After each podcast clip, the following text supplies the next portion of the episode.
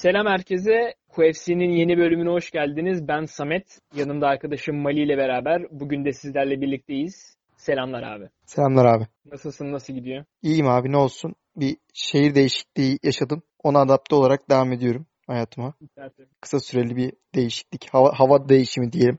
Evet. Aman aman hocam dikkat. O hava değişimleri insanın bünyesinde sıkıntı yaratabiliyor. Özellikle bu dönemde. Evet. İşte ben de kapalı hava değişimindeyim abi. Yani yine odamdan çıkmadan sadece şehrimi değiştirdim bir iş için. Güzel. Hayırlı olsun inşallah. İnşallah, inşallah. Sen nasılsın abi? Ben de iyiyim. İşte dün bugün falan UFC 252 izledim tekrar maçları. Onlara Hı hı. birazcık baktım. Notlar aldım. Ee, güzel yani. Eventten Güzel de az çok memnunuz işte. Evet. Yani güzel maçlar oldu. Ya- Beklediğimiz tam Evet. belki değmese de. Yani tarih şekillendirici bir maç vardı içinde bir kere. Hani o yüzden diğerleri o kadar tatmin edici olmasaydı bile etkileyici bir kart olacaktı ki diğerleri de muazzam mıydı? Hayır çok daha iyi kartlar gördük ama fena değildi bence genel olarak kart. Evet. Hızlıca başlayalım istiyorum. Tabii buyur abi. Ee, öncelikle şey söyleyeyim. İlk önce geçtiğimiz hafta sonu olan UFC 252'yi konuşacağız. Sonrasında bu hafta içerisinde olmuş haberleri değerlendireceğiz ve en sonunda da önümüzdeki hafta sonu olacak olan UFC 10 ESPN 15 kartını konuşacağız. Pedro Munoz, Frankie Edgar kartını. Böylece programımızı bitiriyor olacağız. Hızlıca geçtiğimiz hafta sonu olan UFC 252'nin early prelimlerinin ilk maçında başlayalım. Hı hı. Bu maç Featherweight'te gerçekleşti. Kai Kamaka ile Tony Kelly arasındaki bu maç distance'a gitti ve 3 roundun sonunda Kai Kamaka unanimous decision sonucu maçı kazanan isim oldu. Zaten Fight of the Night ödülünü de aldı bu maç. Çok Hı hı. geceye çok hızlı bir giriş oldu ama sanırım kartın devamı o seviyeyi bir daha üste götürecek dövüşler olmadı çoğunlukla. Ne diyorsun? Ya giriş ve kapanış dışında bence de o seviyeyi göremedik. Yani girişte beklediğimiz o umudu. Bir dakika abi. Evet, sanırım şu anda ses gelmiyordur. Evet. Evet. Evet abi Tabii. devam et. Ee, yani o girişte beklediğimiz o olayı, girişte beklediğimiz o aksiyonu dövüşler boyunca göremedik aslında. Sonda o seviyeyi gördük sadece bence. Ama yine de yani bu Kamaka ve Ke- Kelly maçı o Fight of the Night ödülünü bayağı hak ederek kazandığını düşünüyorum. Maça gelecek olursak tam bir slugfest'ti. Geceyi böyle açmak çok iyiydi. Özellikle maçın başındaki o Kamaka'nın boxingi çok etkileyici, çok sharp, çok keskin bir e, hand speed'i vardı Kamaka'nın ve accuracy'si. Yani Kelly'yi bildiğin pick apart yaptı tamamen ve bunu yaparken Kelly de işte böyle ben kaçayım başka bir şey gideyim falan değil de o da tam onun karşısına durup hani telefon kulübesinde birbirleriyle değiş tokuş yapmak diyorlar ya hani exchange in phone booth. Tam olarak o onu gördük yani bu maçta. Ee, Kamaka'nın left hook'u çok iyiydi bence. Ee, maç ilk roundda bir takedown da vardı. Takedown'dan kalkınca aynı dominasyonu devam etmeyi ba- başardı. İkinci roundda da benzer şeyler gördük. Özellikle body shot'ları çok etkileyiciydi. Bir maçtaki en çok body shot sayısı tarzı bir bilgi gördüm. Hmm, enteresan. Ee, Belki fe- featherweight Evet, ke- falan evet oluyor. muhtemelen öyle bir durum vardır diye düşünüyorum ama hakikaten çok e, fazla işledi o e, Kelly'nin vücuduna. Ama şeye de şaşırdım yani. Toplam 64 tane body shot vurdu. 71'de 64 Kamaka. Hmm, Ama Kelly yavaşlamadı. Hatta nitekim maçın sonuna doğru yavaşlayan Kamaka oldu. Evet. Kelly son roundda güçlüydü. Özellikle clinch'te de güçlüydü. Ee, ikinci roundun sonunda da onun exchange'lerde üste çıktığını gördük. ki Çok yakın bir maçtı ikinci rounddan itibaren. Ama o ilk roundun kesin olarak Kamaka'nın kazanması e, hakemler 2 ve 3'ten çok yakın geçtiği için bir- genel olarak birini Kamaka'ya birini Kelly'e verdi ve Kamaka galibiyete ulaştı maçta. İkisi için de hoş pazarlayıcı güzel bir maç oldu. UFC 252 gibi bir şeyin büyük bir kartın ilk maçında böyle etkileyebilmek. Bir de ikisinin de UFC'deki ilk maçları. Evet. Onlar için güzel bir pazar oldu. Burada şöyle bir istatistik var. E, Kamaka şimdiye kadar hiç KO yapmamış. Sadece bir submission Hı hı. galibiyeti var. Onun dışında bütün galibiyetleri decision sonucu. Belki de bu kadar body shot'a rağmen Kelly'nin yavaşlamamasının sebebi de Kai Kamaka'nın elin, ellerinde çok fazla bir KO power'ının olmaması Hı. da Evet çok doğru bakış yani. Evet çok doğru bakış. Ben de şey soracaktım. Bu kadar iyi boksing'e sahip olan birisi acaba nasıl kimseyi KO edememiş? Ama dediğin çok doğru bir bakış açısı. Doğru. Kuvvetli değil. Çünkü yani. yeni galibiyetlerin hepsine decision unanimous ya. Evet. Outclass edip yenememiş olması gayet olası bence de. Aynen. Ee, ama iki bitiremedim. dövüşçü için Hı hı. iki dövüşçü için de gayet güzel maçtı yani. Özellikle Ki- abi Kelly'nin clinch work'ü ben benim bayağı hoşuma gitti. Evet. Yani o clinch'te çok iyi kontrol etti. Dediğin gibi son roundda daha e, canlı dövüşçü olarak gözüktü. Hı hı. Ama galibiyete uzanmaya yetmedi tabii. Evet. E, Var mı eklemek istediğin bir şey Yok abi.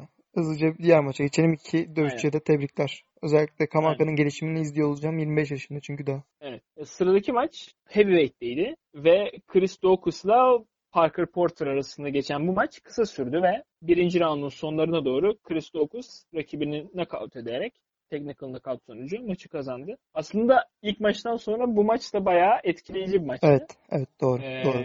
ama sonra prelimlerde biraz daha herhalde seviye düştü diyebiliriz. Ne düşünüyorsun abi maçla alakalı? Ee, abi ya maçın başladığından itibaren ben bu iki adamın aynı siklette olduğuna inanamadım öncelikle.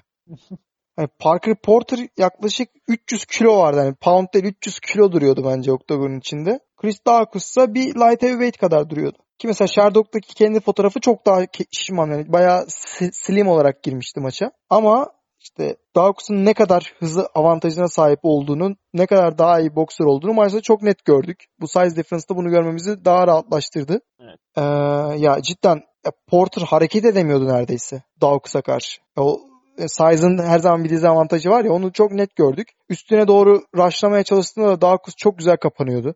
Hani blokluyordu direkt darbeleri. Sonra gerektiği zamanda da doğru yumrukları buldu. Hele yani bu hani şey var ya mesela YouTube'da UFC paylaşıyor sonrası, sonrasında şey diye fight motion diye. Evet. Bu ağır çekimdeki en güzel vuruşları falan. Ya orada Hı. Daukaus'un birkaç tane vuruşu var. Çok güzel abi. Yani doğrudan dodge'luyor, geriye doğru çekiyor yumruğu. Sonra bir anda ileri gidiyor, knockdown'a ulaşıyor falan. Evet. Yani Daukaus için kesinlikle etkileyici bir maç oldu. Kendi e, stok, his- kendi hissesini yükseltti yani bu maçla beraber UFC'deki ilk maçında. Her ne kadar rakibinin seviyesi soru işaretli olsa da yani heavyweight'te belki light heavyweight'te çünkü daha da kilo kesebilir bence. Etkili bir oyuncu olabildiğini göz ispatladı Daukaus. Evet kesinlikle. Ya maçı gerçi Parker Porter e, böyle leg kicklerle falan sanki etkili olabilecekmiş gibi başladı ama Hı hı. çok kısa sürdü o. Evet. O da e, onun açısından onun da UFC debüsüydü bu arada ve Hı hı. istediğini alamamış oldu bu maçta. Var mıdır söylemek istediğin başka? Yok abi başka bir şey bu maç hakkında. Geçiyorum o zaman artık Hı hı. prelimlere. Prelimlerin ilk maçı Women's Strawweight'te oldu. Ashley Yoder'la Livia Renata Souza arasındaki bu mücadele distance'a gitti ve 3 roundun sonunda Livia Renata Souza galibiyeti kendi hanesine yazdıran isim oldu. Evet. Var mıdır söylemek istediğin bu maçla? Yok abi şey? geçelim. Yani bu hani seviye düşmesinin gördüğümüz direkt o maçlardan birisiydi. Evet iki dövüşçü de biraz daha yani evet istek vardı ama yani çok yüksek bir seviye göremedik. Özellikle Yoder'ın daha maçın başında böyle back kontrolü atlamak için pozisyonu falan kaybetmesi. Yani Yoder ilginç bir dövüş sergiledi. Yani yakın bir maçtı. İkisi de çok birbirine hasar vermedi. Daha çok hasar, daha güçlü vuruşlar Souza'dan geldi. Hı hı. E, Yoder daha hareketli olan gibiydi ama çok etkisini göremedik. Sonra hatta biraz daha sadece etkisini gördük onun. Daha yere götürmek isteyendi ama onu da beceremedi. Yani yere götürürken hatta kendisi dezavantajlı konumda kaldı genelde. Böylece sıradan bir decision'la, unanimous decision'la Livinha Souza maçı kazanmış oldu. Yoder için de bu hiç iyi bir haber değil. Yani UFC'deki 7 maçında 5. mağlubiyetini aldı. Bunların son ik- iki tanesi de son maçlarında geldi. Son iki maçında geldi. Ki zaten dövüşlerine baktığımızda hani çok knockout'u falan bulan da bir dövüşçü değil. Ee, yani UFC içindeki iki galibiyeti de dediğim gibi birisi split decision birisi unanimous. Yani kesilmeye yakın bence. Böyle devam ederse kesilme olsa 32 de yaşında çok gelişmeye de bir room yok. Bir de Dana White'ın yakın zamanda yaptığı açıklama hani e, birçok dövüşçünün kesileceğiyle Ha, evet. alakalı bir açıklama yaptı. Hani bunu da dikkate aldığımızda gerçekten kesilmeye yakın dövüşçülerden Hı hı. birisi olarak Evet. gözükebilir. Ya belki Düşünüyordum. fiziksel olarak biraz daha bilinen bir dövüşçü. Hı hı. Hani fiziksel hoşnutluğu, güzelliği fan favorite yapıyor az hani bir Paige Van Zandt düzeyinde olmasa da belki ondan dolayı kalabilir mi diyeceğim ama ya bu maçtan sonra hemen keseceklerini düşünmüyorum ama bir maç daha eğer bu şekilde yenilirse bir şey çok varlık gösteremeden onun için çallar, çanlar ciddi ciddi çalmaya başlayacak bence. Anladım. Ee, diğer yandan Livinha Souza da e, en son maçında e, yenilmesinin üzerine bu maçı galibiyetle kapatarak o da win kolumuna geçmiş oldu. Hı hı. Bunun içinde UFC macerası. Son, e, 4 maçın 3'ünü kazanmış birisi olarak yukarılara doğru devam ediyor. Evet rekoru da bayağı hoş bence yani. 14'e 2 ve 2 mağlubiyet sadece Angela Hill ve Brianna Van Buren'e karşı. Evet. Ve ikisi de decision. Hı hı. Hı hı. Hatta Angela Hill ile split decision. Aynen. Yani bence Ve- gayet hoş. Yani yaşı da çok yaş fazla değil. 29 hı. yaşında. O yüzden. Hı hı. E, bu maçta Onun çok adına- impres, çok etkiledi mi? Zaten hayır. Ben, en azından beni değil. Ama Ama hoş yani. Sonuçta galibiyet öyle ya da böyle ulaşman gerekiyor. O galibiyet ulaştı. aynen öyle. Çok Geçiyorum uzatmadan geçelim sıradaki abi, aynen. Hı hı. Sıradaki maç Featherweight'te gerçekleşti. TJ Brown'la Dani Chavez arasındaki bu mücadele distance'a gitti ve 3 roundun sonunda Dani Chavez galibiyeti alan isim oldu. Bu maç distance'a giden bir maç olarak aslında bence keyifli bir maçtı. Evet doğru. Ee, yani iki tarafta cidden istedi bu maçı ama Chavez ilk iki roundda daha üstün tarafta. Özellikle Kesinlikle. ikinci roundda yakaladığı knockdown sonucu e, ikinci roundda biraz daha hükmetmiş oldu. Hı hı. Ama Brown son roundda geri döndü. Dönmeye Evet. çalıştı daha doğrusu. Son roundu aldı ama e, o buna yeterli olmadı. Hı hı. Ne düşünüyorsun abi? Bu Abi aynen dediğin şeylere katılıyorum.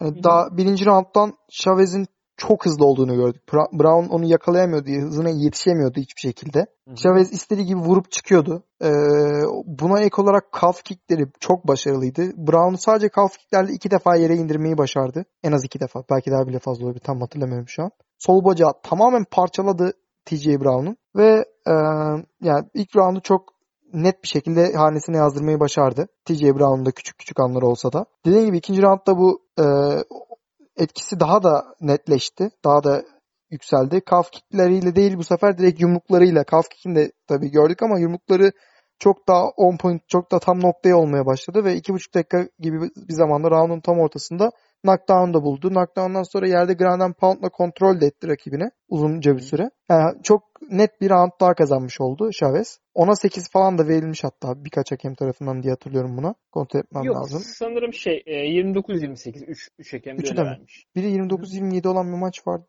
Ha o O şey, Pişel'de. Pişel. Doğru. Jim Miller şey, Doğru. Pişel için doğru. Son son roundda ise Brown olayın farkındaydı tamamen ve çok daha agresif şekilde maçı slugfest'e döndürmeye çalıştı. Kaos çıkarmaya çalıştı tamamen ve kaos anlarında da daha başarılı olan oydu.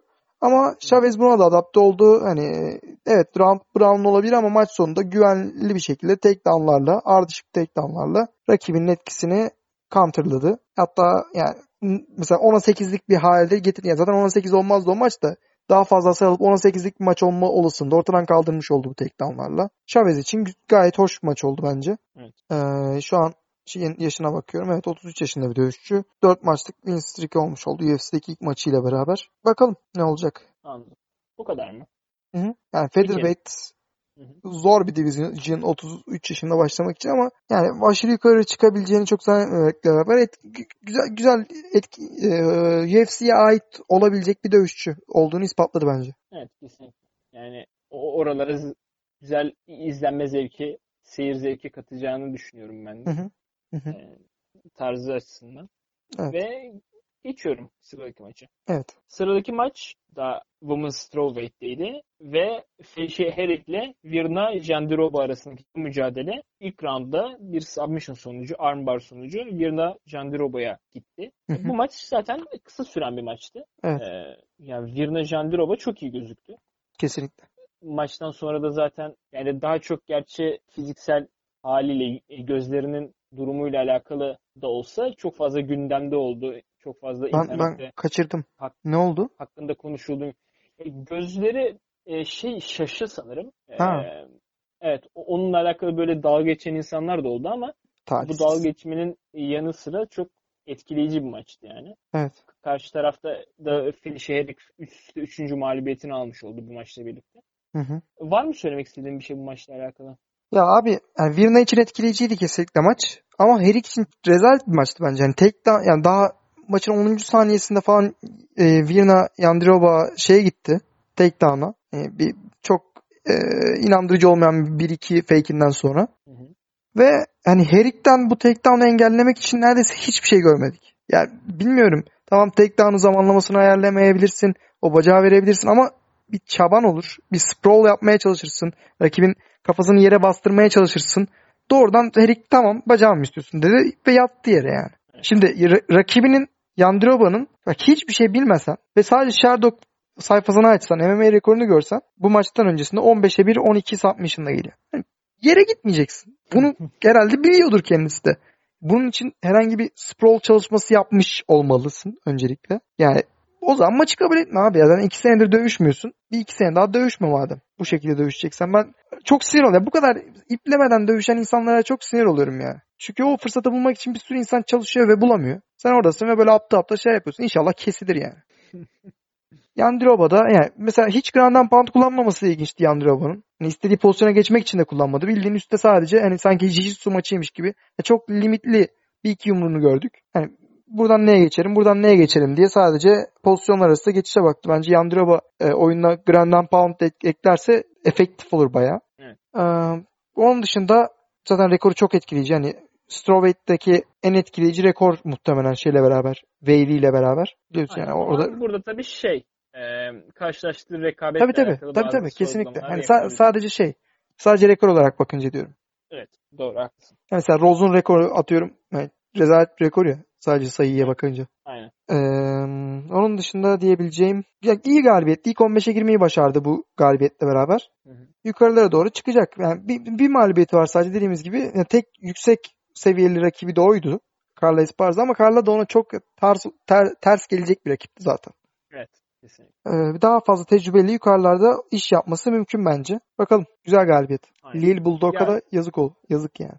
Yani işte yazık mı çok bilmiyorum Hayır ona yazıklar olsun manasında yazık. Yoksa yazık Aha. olmadı.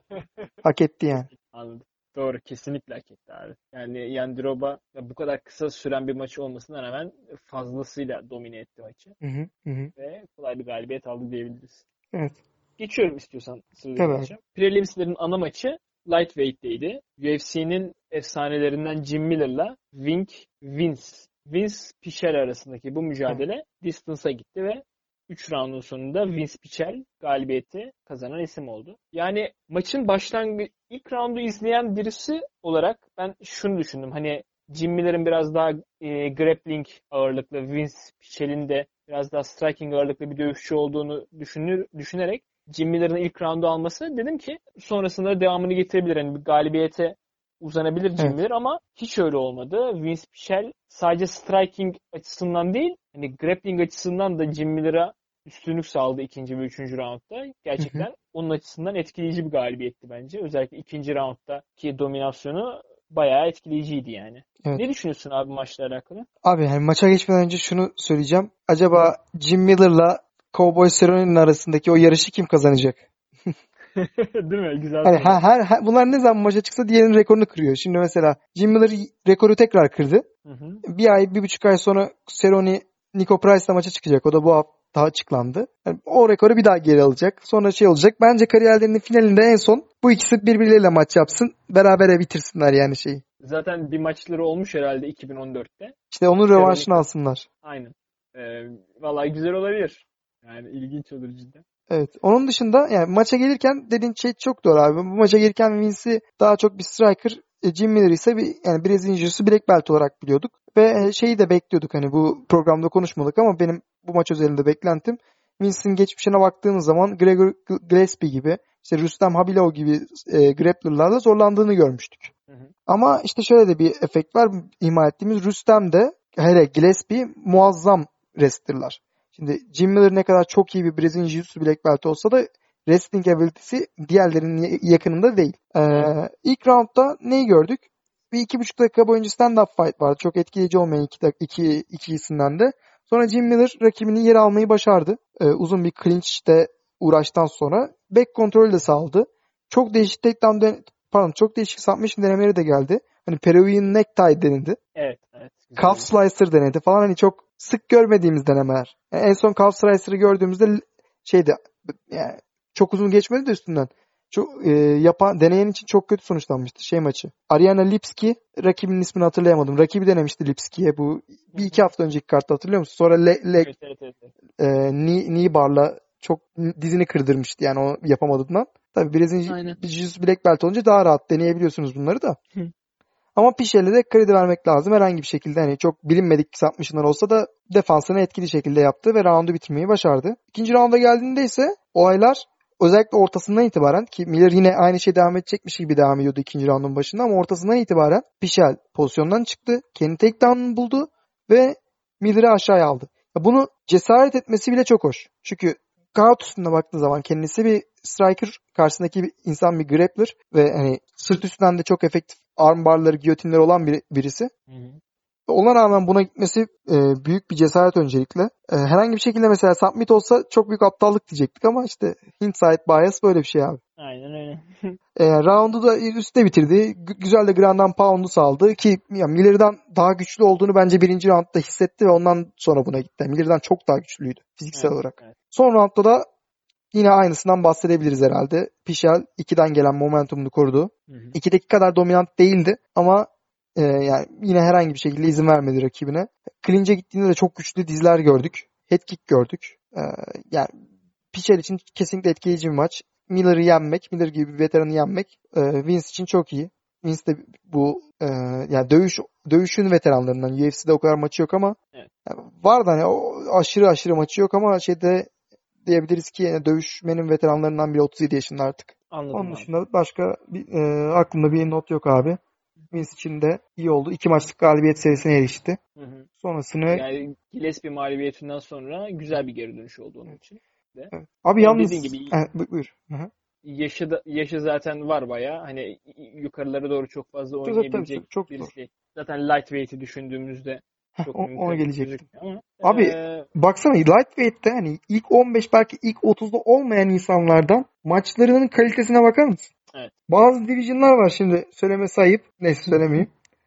Be- ilk 5'ten sonraki insanlar çöp yani. Evet. Daha kötüleri de vardır illa ki yani. Şimdi burada söyletme hocam. Birden sonrakiler değil mi? Aynen. evet. Var maalesef. Ne yazık ama dediğim gibi yani lightweight böyle bir maç e, lightweight'te oluyor bu kalitede. Hı hı. Ama ya bu insanlar ilk 20'de bile değildir bence. Ben ilk 30'da bile değildir abi. Çok tatsız. Ve bazı dövüşçüler işte böyle şey kalıyorlar ya hani bisiklette dövüşmek zorunda kalıyorlar. Evet. Ee, o da işte lightweight'e denk gelince çok kötü cidden yani. Cidden abi çok kötü. Hani yani... şu an re- ranked olmamış yani rahat 3 yani şu an aklıma gelmiyor ama araştırdığımız 3-4 tane kişi sayabilirim. Hani işte featherweight'e düşse ya da welterweight'e çıksa belki şey yapabilecek. Ee, Abi milyon tane sayabiliriz ya. Evet ama olmuyor işte. Ya bir şey olim, olimpik medalist adam var. Daha yeni geldi de yani ya, şu an ilk 15'te değil. Marco Metzen mesela direkt ilk aklıma gelenlerden birisi. Evet. İşte Alexander Hernandez olsun, Arman Sarukyan vardı, Ermeni dövüşçü, Drakar Klose olsun, Nasrat Akparas, Scott Holtzman. Ya bir sürü insan sayabiliriz, bir sürü. Aynen. Fiziev, Fiziev. Şu an bak, önüme açtım bakıyorum. Mark Diakisi, Fiziev'in rakibi. Ya Vanata. Bu adamlar hep... Vanata yok harbiden. Evet. Ya, bu adamlar hep Kamavorte olsun şu an. Listede indikçe ben bir sürü bir sürü insan görmeye başladım yani. Magomed Mustafaev. Tatsız yani bu insanlar için cidden. Kesinlikle abi. Ama artık yapabilecek bir şey yok. Ama ya şunu biliyorlar ki tarihin en stack e, en competitiveness'ı yüksek, en rekabetçiliği yüksek division'dalar. Bu evet. bence tatmin edici bir şey. Zaten her zaman lightweight yani erkeklerin çana eğrisindeki en yüksek olduğu kilo olduğu için rekabetin yüksek olması beklenen bir yer. Ama şu anda hangi segmentine bakarsanız bakın ilk 5'e bakın, ilk 15'e bakın, ilk 30'a, ilk 50'ye bakın her yerde aşırı kompetitif. Kesinlikle. Biz de buna şahit olabildiğimiz için tabii mutlu hissediyoruz. Kesinlikle. Yani. Kesinlikle abi. Var mıdır abi söylemek istediğin başka bir şey? Yok Yoksa, abi main event'e main kart'a geçelim. Yavaştan evet geçelim main kart'a doğru. Gecenin main kart'ta ilk maçı Bantamweight'te gerçekleşti. John Dodson'la bu division'ın gediklerinden John Dodson'la Merab Javishvili The Machine arasında geçen bu mücadele 3 round sonunda Merab Civalishvili'nin galibiyetiyle sonuçlandı. Unanimous Decision sonucu. Hı hı. Ne düşünüyorsun abi maçla alakalı? Ne, ne buldun? Ne umdun? Ne buldun? Abi umduğum Merab'ın dominant şekilde kazanmasıydı. Ama bunu hı. kazanırken daha çok yerde olacağını tahmin ederek de bu beklentim. Yere alabileceğini tahmin ederek. Dominant şekilde kazanması beklediğimiz oldu. Geçen hafta konuştuğumuz. Hani John Dotson'ın herhangi bir şekilde merhaba cevabı olmayacağını söylemiştik. Hı hı. Ama beni en çok etkileyen iki şey iki dövüşçü adına John Dotson'ın takedown defensi öncelikle. Abi o neydi ya? Vallahi Adam yani cidden. 20 tane takedown denedi Merab. 20. İki tanesi sadece başarılı. Ki onlar da ayağa kalktı saniyesinde adam. Aynen öyle. Ya böyle, böyle Ben- bir şey, böyle ben bir şey saymam. olmaz. Ben başarılı saymam onları da yani. Ya şey var. ikinci roundun sonundaki var. Round bittiği için en son yerde kaldı orada bitti. O bir bence. Hı hı. Başka da yani belki 2-3 saniye tutmuştur. Yani slam adamı yere vuruyor. Adam yine kalkıyor. Hiç hiç umurunda değil. Yani bu John Dotson'a çok e, hoş bir görünüm kazandırdı bu maç yani. Öte yandan Merab'ın relentless diyorlar ya. Abi adam hiçbir şekilde vazgeçmiyor ya. Ve tüm bu işte ya o striking de iyi değil aslında ya falan filan eleştirilerini de tamamen kapattı bence. Tamam John Dodson çok aktif değildi. Sadece o counter left hook'u bekledi. Ama yani Aynen. Me- Merab kesinlikle kendisinin striking'de boş bir adam olmadığını gösterdi. Hani ya bir kere striking'den anlamayan bir adam böyle hoş bir spinning back fist vuramazdı. Diyorsun. O, o kadar hoş vuramaz. Spinning back fist herkes vurur. Vurursun düşersin ya da lam diye savunursun. Abi gayet teknik bir vuruşta bulundu.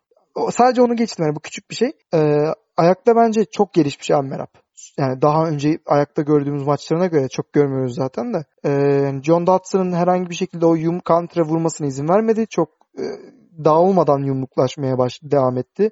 Lekler efektifti. Özellikle ilk roundda clinch'te dizlerin yani ayak e, taylarını tay ba- e, halk arasındaki tabirle baldır. Hani baldır normalde klinik tabirle şey diyebiliyorum. Dizle şey arası, bilek arası, ayak bileği arasına baldır deniyor arka hı. tarafına. Ama halk arasında baldır diye kalçayla di- diz arasına söylüyoruz ya. O yüzden baldır Evet. diyeyim. Türkçe karşılığını bilmiyorum çünkü tayın yok galiba. Ee, o yani neyse çok uzattım. Clinch'te O, o, o, uyluk kemiğinin orası işte. Aynen uyluk kemiğinin arkasına clinch'te çok sert şeyler vurdu. Ondan ben maç boyunca Dodson ondan da etkilendiğini düşünüyorum abi. Yani çok hareket etmemesinde bence onun da payı var. Game planla birlikte. Ama hani Merab için bence etkileyici bir galibiyet. Hele bu kadar kon, e, prospektin olup bu kadar prospektin düştüğü bir kartta böyle bir galibiyet alması onu rankingleri aşırı yükseltti. 12. sıraya koydu. Evet. Ve hani Dotson gibi bir herifin yani Dotson muhtemelen şu maçta da görünce e, bu division'da yer alması en zor herif diyebiliriz bence. Yer, yere alması çok zor, yerde tutması imkansız bu adamı. Ki, Evet abi çok ilginç yani. kesinlikle ki bunu ya Dimitrius Johnson'dan başka yapabilen de yok ki onun da sınırlı sürelerde yapmış olduğunu gördük. Yani Dimitrius Johnson, John Dotson'ı iki defadan fazla yere alabilen tek insan. Hı, O dört defa almış. O da yani üç, şey son iki tanesi son roundlarda artık Dotson tamamen yolduktan sonra. Evet. Yani Dotson'ın bu kadar uzun süredir UFC'de olduğunu düşündüğünde daha da etkileyici oluyor yani. Kesinlikle, kesinlikle. Merab için dediğim gibi çok etkileyiciydi. Tüm hiç düşmedi. Hiç Evet. hiç kardiyosu hiçbir şekilde bitmiyor abi. Böyle böyle bir adam yok yani. 29 yaşında daha hem. Ee, çok zamanı var. 5 maçlık galibiyet serisine ulaştı. 2 tane setback de yaşadı. Hani, hani Omali gibi aptal aptal takılmak yerine hani o humble'lamayı da yaşadı yani. Evet. Ee, ve çok iyi bir ekiple çalışıyor. Değil Hani mi? Mehmet Sara, Ray Longo muazzam yani o Sera Longo fight team bir kere muazzam bir yer. E, Sara ve Ray Longo ile bu kadar yakın olması da çok iyi. Ve accuracy adamın Aljamain- Sterling. Hani bu division'da olabilecek en iyi 2-3 insandan birisi zaten. Evet, evet. Ve Merab'ın hayatı tam bir hani American Dream olayı. Gürcistan'da inşaat sekt yani inşaatta çalışan bir işçiyken buralara gelmeye başarıyor. Ha, enteresan. O yüzden hafif yani sempatim var kesinlikle Merab'a. Bu da çok etkileyici bir galibiyetti bence. Ya tek mesela ileride yapılabilecek tek eleştiri şey olacak bence. Ya decision guy işte hep decision'la kazanıyor. O yüzden biraz daha submission'ını ve striking'ini geliştirirse kendisi için bu eleştiri susturmaya güzel olacak. Onun Yani dışında ben hayatımda Hı hı, hani takedown volümü bu kadar yüksek bir insan cidden görmedim yani. kesinlikle kesinlikle Ee, her an deniyor. Evet. Ee, ya- yani Habib bile hani Bu bu, kadar kadar denemiyor. fazla sayıda Kesinlikle. evet bu kadar fazla denemiyor yani. Abi bir Ve de şöyle abi, pardon abi buyur. e, ve hani üçüncü roundun sonunda ben hayatımda gördüğüm belki de en fresh dövüşçü falandı yani. Evet Maç abi. bitti. İnanılmaz ya. Yani adam zaten üçüncü roundun başında böyle birbirlerine bağırdılar falan. Evet yani. evet. O da çok Çok hoş. güzeldi. Aynen. Ya adam bayağı makine yani. Kesinlikle la- laka- lakabını hak ediyor. Bu arada dur demin şeyi kaçırdım. Şey de çok güzel nick bence. Çok güzel değil mi? Hoş olmuş. Vince from Hell Pichel. Hmm. Yani kafiye falan hoş olmuş. Neyse. Sen beğenmedin hemen geçtim orayı. Ha, from hell to shell. Okey Aynen. tamam. Şu an çok şey yaptım. Çakozladım. Okey. E, The Machine bence çok güzel uyuyor. Adam tam bir makine. Sonrasında ne olacak ama onu merak ediyorum. Hani Merab bence yukarılara doğru çıkacak bir adam. Hani Aljamain Sterling de orada olacak. Yani Aljamain'in title alması durumunda karşılaşma olasılıkları var. O zaman ne olacak falan bilmiyorum ama daha buna bir, bir iki yılımız var muhtemelen. Evet. O zamana kadar göreceğiz yani. E, John Dodson da bence yine etkileyiciydi. Sadece biraz daha output'unu arttırabilseydi keşke bu maçta. Yani daha bek o kadar beklemese bu kendisi için daha faydalı olacaktı. Ama e, kötü bir mağlubiyet olmadı bence Dodson için. Böyle yani kendisinin en azından bir alanda rüştünü ispatlamış oldu. E, John Dodson çok bekledi ya işte o sol Hı hı. sol yumruğu. Hı hı. O, o bana birazcık garip geldi yani. Hani Bence de. ne bileyim. Ve hani ş- senin dediğin ne tam olarak katılmıyorum işte şey dedin ya hani eee, işte hani birinci roundda özellikle hani clinch'teyken çok fazla bacağının arkasını dövdüğünü Ben- belki ya. şey- Hı hı. Ya okey hani etkileyebilir gibi gözüküyor ama birinci roundun sonunda mesela John Dodson köşesine giderken gayet şeydi işte hani konuşmalarında falan da hani sadece Sadece Sarıldı bana. bana. Evet doğru. Hala durduk falan dedi yani. Hani oradan çok etkilenmemiş gibi geldi ama ona rağmen hiç hareket etmemesi neredeyse ve sadece o sol yumruğu beklemesi bir garip geldi yani. Biraz daha volüm üretse belki de merhaba üstünü kurmaya, kuramayabilirdi ama belki şey en azından biraz daha yakın bir maç olabilirdi yani. Evet. Evet. Yani haklısın abi. Kesinlikle haklısın. Dediğin gibi çok etkilenmemiş gibi duruyordu ama bilmiyorum yani hiç mi anlamadı yani? iki round boyunca tamamen ezildiğini, son roundda bir şeyler yapması gerektiğini hiç aksiyon göstermedi çünkü. Evet. Şöyle bir fikir doğdu bana. Ya John Dodson birazcık yağlı geldi bana. Neden flyweight'e düşmüyor diye düşündüm maç içerisinde mesela. Flyweight'te zamanında DJ yenilip hani çok bir şey yapamadığı için muhtemelen de evet orada sanki daha başarılıydı. Formiga'ya karşı galibiyeti var. Evet. Çok eskiden Yani TJ'yi yenmiş. O, o da Bantam'da herhalde. O hangi weight'te bilmiyorum da. Tim Elliott'a karşı, karşı galibiyeti var. Yani belki hmm, yani 35 yaşına gelmiş artık kesmenin daha zorlanıyor olabilir.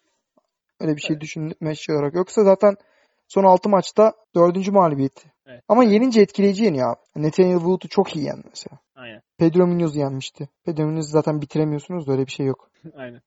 Abi John Dodson'ı da bitiremiyorsun. 12 mağlubiyet Evet, var. Hepsi evet, doğru. yani. Doğru. Gayet başarılı Hı hı. o yönden. Var mıdır başarılı olduğu tek istediğiniz tek bir yön şey? diyebiliriz. O left counter hook'la bitirilememesi yani başka var mı başarılı olduğu yön? Yani sanırım çok fazla değil. Yani en azından çok sivrildiği başka bir nokta yok yani. Ha bir de o speed avantajı tabii tabii. Evet. Abi mesela bu kadar hızlı bir adamken Merab'ın karşısında beklemenin hiç mantığı yok ya. Şu an mi? tekrar düşününce. Evet. Hani takedown'dan korkuyor da sen istediğin zaman kalkıyorsun zaten. İlginç yani. Yanlış Neyse. bir oyun planı falan Evet. herhalde bilmiyorum yani. Evet. Ne oldu orada çok fazla hakim değiliz. Hı hı. Yine de Merab'ın kredisini almayayım. Merab yani etkileyiciydi kesinlikle. Evet. Bir de yani şunu abi şunu biliyoruz. Şimdi takedown'a gidip rakibi yere alabilirseniz rakibi tamam yoruyorsunuz. Ke kendiniz yorulduğundan, da, yorduğundan daha fazla ama takedown'u beceremezseniz yorulan daha çok siz oluyorsunuz. Evet. Bu adam 18 defa beceremedi. Yani çok ilginç ki bunların 2-3 tanesi rakibi komple kaldırdığı yerden yukarıya yani. ya çok garip bir adam ya cidden. Evet. İlginç yani. Ben çok merak ediyorum bundan sonraki eşleşmelerini yani. Bakalım ne olacak. Evet. Evet. Shawn'u istiyordu ama artık istemiyor. E, bir top 10 olur mu rakip sence? Bence top 10 değil 11. sıradaki Cody Stamen olabilir. Tam bir asit testi olur onun için. Ne kadar iyi o wrestling'i. Doğru. Evet. Güzel olabilir Cody Staman'ın ama. Tam 10. sıradaymış. Şeyle onlar. e, 11. Dominic Cruz'da şu an eşit O, yazıyor. hani o 10. sıradalar. Okey. Tamam. Yani Abi şey geçiyorum o zaman tabii tabii geçelim. maça. Ben geçelim. çok çok fazla çok, çok durduk. çünkü. Çok durduk. Hı hı. Sıradaki maç Featherweight'te gerçekleşti ve geçen hafta yanıldığımız Of çok fena yenildik ya. Çok fena yanıldık yani. Her Herbert Burns ile Daniel Pineda arasındaki bu mücadele ikinci roundda technical knockout sonucu e, Daniel Pineda'ya Pineda'ya gitti. Hı hı. Yani zaten Herbert Burns maça gelirken 3 poundluk bir kilo Evet. kaçırmayla ufak ufak bir şeylerin sinyalini vermeye başlamıştı Evet. sanırım. İşte Biz sadece e, bunu biraz Bilemezdik ki. ettik? Ha, yok Aynen, bunu, doğru. bunu çektiğimizde bilemezdik ki. Birazcık Tabii, kendimizi savunalım canım Allah Allah. yok yok çektiğimizle alakalı demiyorum yani. Ben maça girerken de Herbert Burns sıkıntı yaşamaz çok fazla diye düşünüyordum ama bambaşka bir resimle karşılaştık yani. Ama abi ya şimdi ma- maça girecek olursak maçta ne gördük? Daha maçın başında bir sert bir exchange oldu. Hı. Burns'tan çok başarılı bir diz geldi ama hani elleri kolları aşağıda olduğu için ona rağmen Pineda mükemmel bir sağ yumruk vurdu. Sonra Burns dedi yok böyle olmayacak.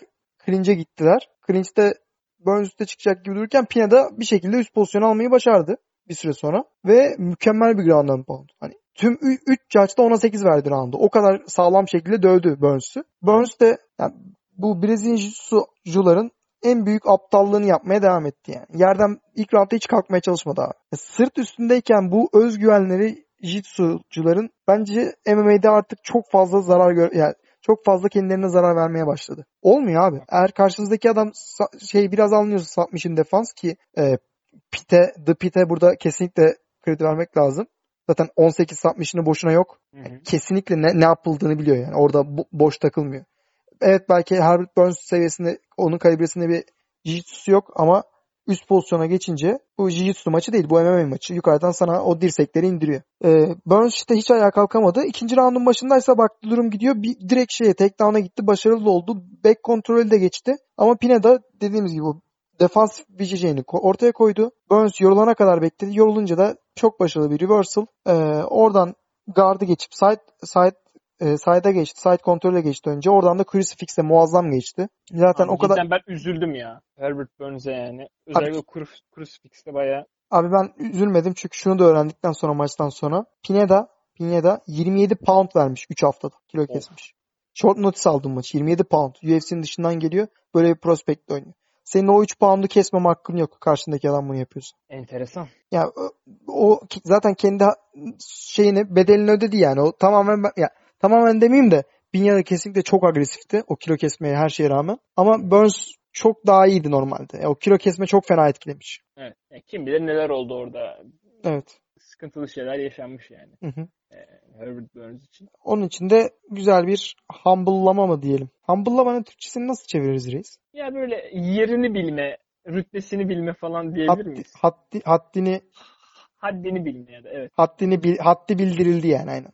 Evet. Yani haddini bildirdi güzel bir kelime yani. Cidden tam olarak bunun sözlük karşılığını yaptı yani resmen. Evet. Evet. Hoş oldu. Ee, yani... Uzun zamandır bu kadar e, etkili bir crucifix pozisyonu ben hatırlamıyorum yani. Evet. Yani bu kadar bu kadar güzel kolları izole edip hı hı. kafaya hani bu kadar güzel bir çalışma cidden evet evet master Doğru. class bir performans yani Pinya'da açısından. Burns açısından da e, yani uzun bir galibiyet serisi 5 maçlık bir galibiyet serisinin ardından e, ilk kez yenilmiş oldu.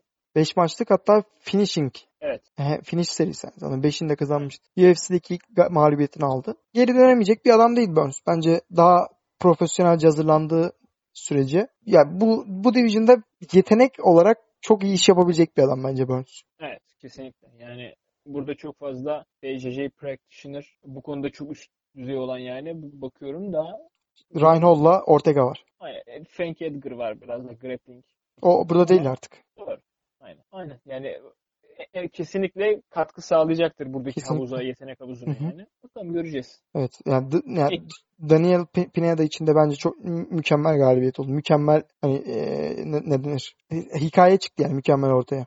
Daha önce 6 sene önce UFC'den kesiliyorsun. Geri geliyorsun. Geri geliş maçında böyle bir prospekti e, bu şekilde yenmek çok etkileyici yani. Yaşı biraz geçmiş olsa da Hı hı. Bakalım ne ne bekliyor Pinheiro'yu bundan sonraki maçlarda göreceğiz Bakalım. yani. Ze- zevkle. Evet, yani zevkle izleyeceğimiz kesin. Evet. Geçiyorum Diyelim abi ve, sıradaki maçı.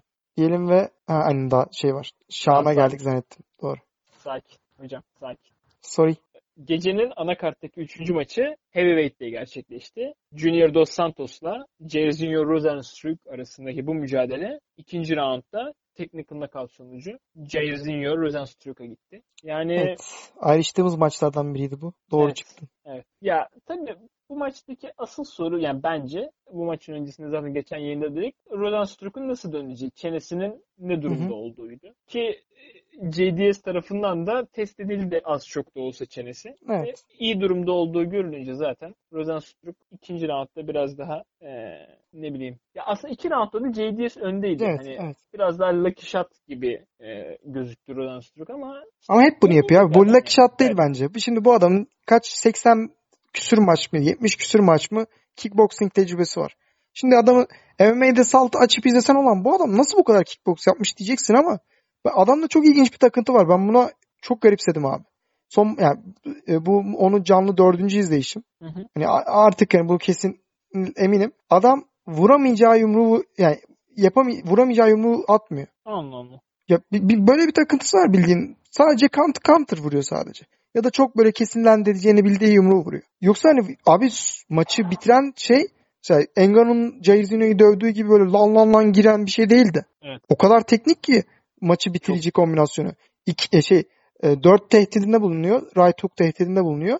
El, el o tarafa doğru gidince bir tane solla cebi vuruyor. Ondan sonra zaten elinde öyle bir kuvvet var ki o çok yakın mesafeden çıkardığı left jab Junior'un böyle gözlerini böyle bir yukarı kaldırıyor. Lan ne oluyor oluyor. Sonra da o hu, hu, hook da herhalde. Right hook'u bir daha koyduğum yere iniyor zaten Junior Santos. Pardon. Önemli değil abi. Ve çok garip Aa. hani şimdi mesela Rosenstruck bu Division'da nerede olur diyorum Bence şu an title shot'ın en büyük ikinci, üçüncü adayı oldu. diyorsun. Engonu'yu title shot'a aldı sayıyorum. Anladım. Anladım. Ee, az, az sonra konuşacağız. diğer Onu konuşacağız, da. konuşacağız. Heavyweight title'ını konuşalım. Şey yani Ya- bu, e, sonra şunu da söyleyeyim abi. Bu mesela Evet. Jaizo'nun bir tanesi daha var. iki tane tanesi dikkat dikkatimi çeken. Birincisi bu çok output üretmemesi. Bu ona zaten roundlara mal oluyor. Yani Overeem maçında da aslında o kadar ağır dayak yemedi. O zaten o yüzden belki geri dönebildi ama 4 roundu hatta 3 round belki de değil. Bu yüzden kaybetmişti. Albini'ye bile bu şekilde round kaybetti. Ya bir, başka neden de şuydu. Abi bu adam şu exchange'i kabul ediyor. Yukarıdan yumruk yiyor aşağıdan leg kick vuruyor. Niye? Ya, Tabii dövüşün ilerleyen yerlerinde faydasını görüyor bunun. Ve çenesine güveniyor tabii ki. Ama işte roundu kaybettiriyor sana. Mesela şu yumruk serisini bulamasaydın Junior Dos Santos eski Junior Dos Santos olsaydı belki. Ya hareketli olmasına rağmen Junior Dos Santos çok sloppy'di bence. Çok diyorsun. yani çok e, e, keskin gelmedi bana maçta. Anladım. Ben daha keskin olmasını ve yani zaten bu maçı decision'la kazanmasını bekliyordum o yüzden. Hı hı.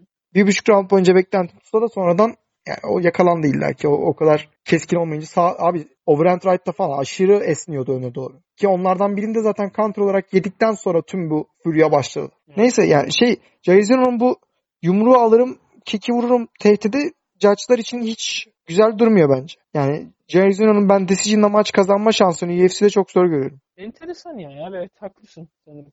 Çünkü bu, abi bu Evet. kadar teknik bir dövüşçünün bu kadar pasif olması yani bildiğin Derek Lewis gibi dönüşüyor, dövüşüyor. Evet. Yani çok daha fazlası var sende azıcık output arttır ya. O yüzden biraz şeyim. Junior Dos Santos da eski seviyesinde değil, eski seviyende değilsin abi artık hani bu kabul etmen gerekiyor. 36 yaşına geldin emekli olmayacağım diyor ama nereye gidecek ne yapacak tamam. Yani yenildiği 3 adam muazzam elit 3 adam. Evet. Ama yani şimdi onların hepsi yenilirsen Miocic'e karşı mağlubiyetin var. E, kimle dövüşeceksin? Ne yapacaksın? Nasıl title? Hala da title'ı hedefliyorum diyor. E, yok öyle bir ya ama. Neyse. Onun için zor bir sürece girmiş bulunmaktayız yani kesinlikle. Hı hı. Ee, bakalım ne olacak. Yani bana sana gözüktüğü kadar sloppy gözükmedi Junior Dos Santos.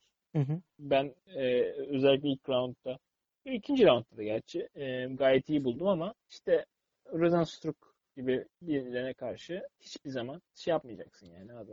Yani Rosenstruck'un ilginç yanı işte mesela bunu Engano'da tabii Engano her maçı ilk roundda bitirdiği için belki de şey ama e, mesela önce işte Stipe'de mesela hani çok yavaşladığını, gücünün tükendiğini son roundlara doğru gördük ama Rosenstruck'ta bu olmuyor yani.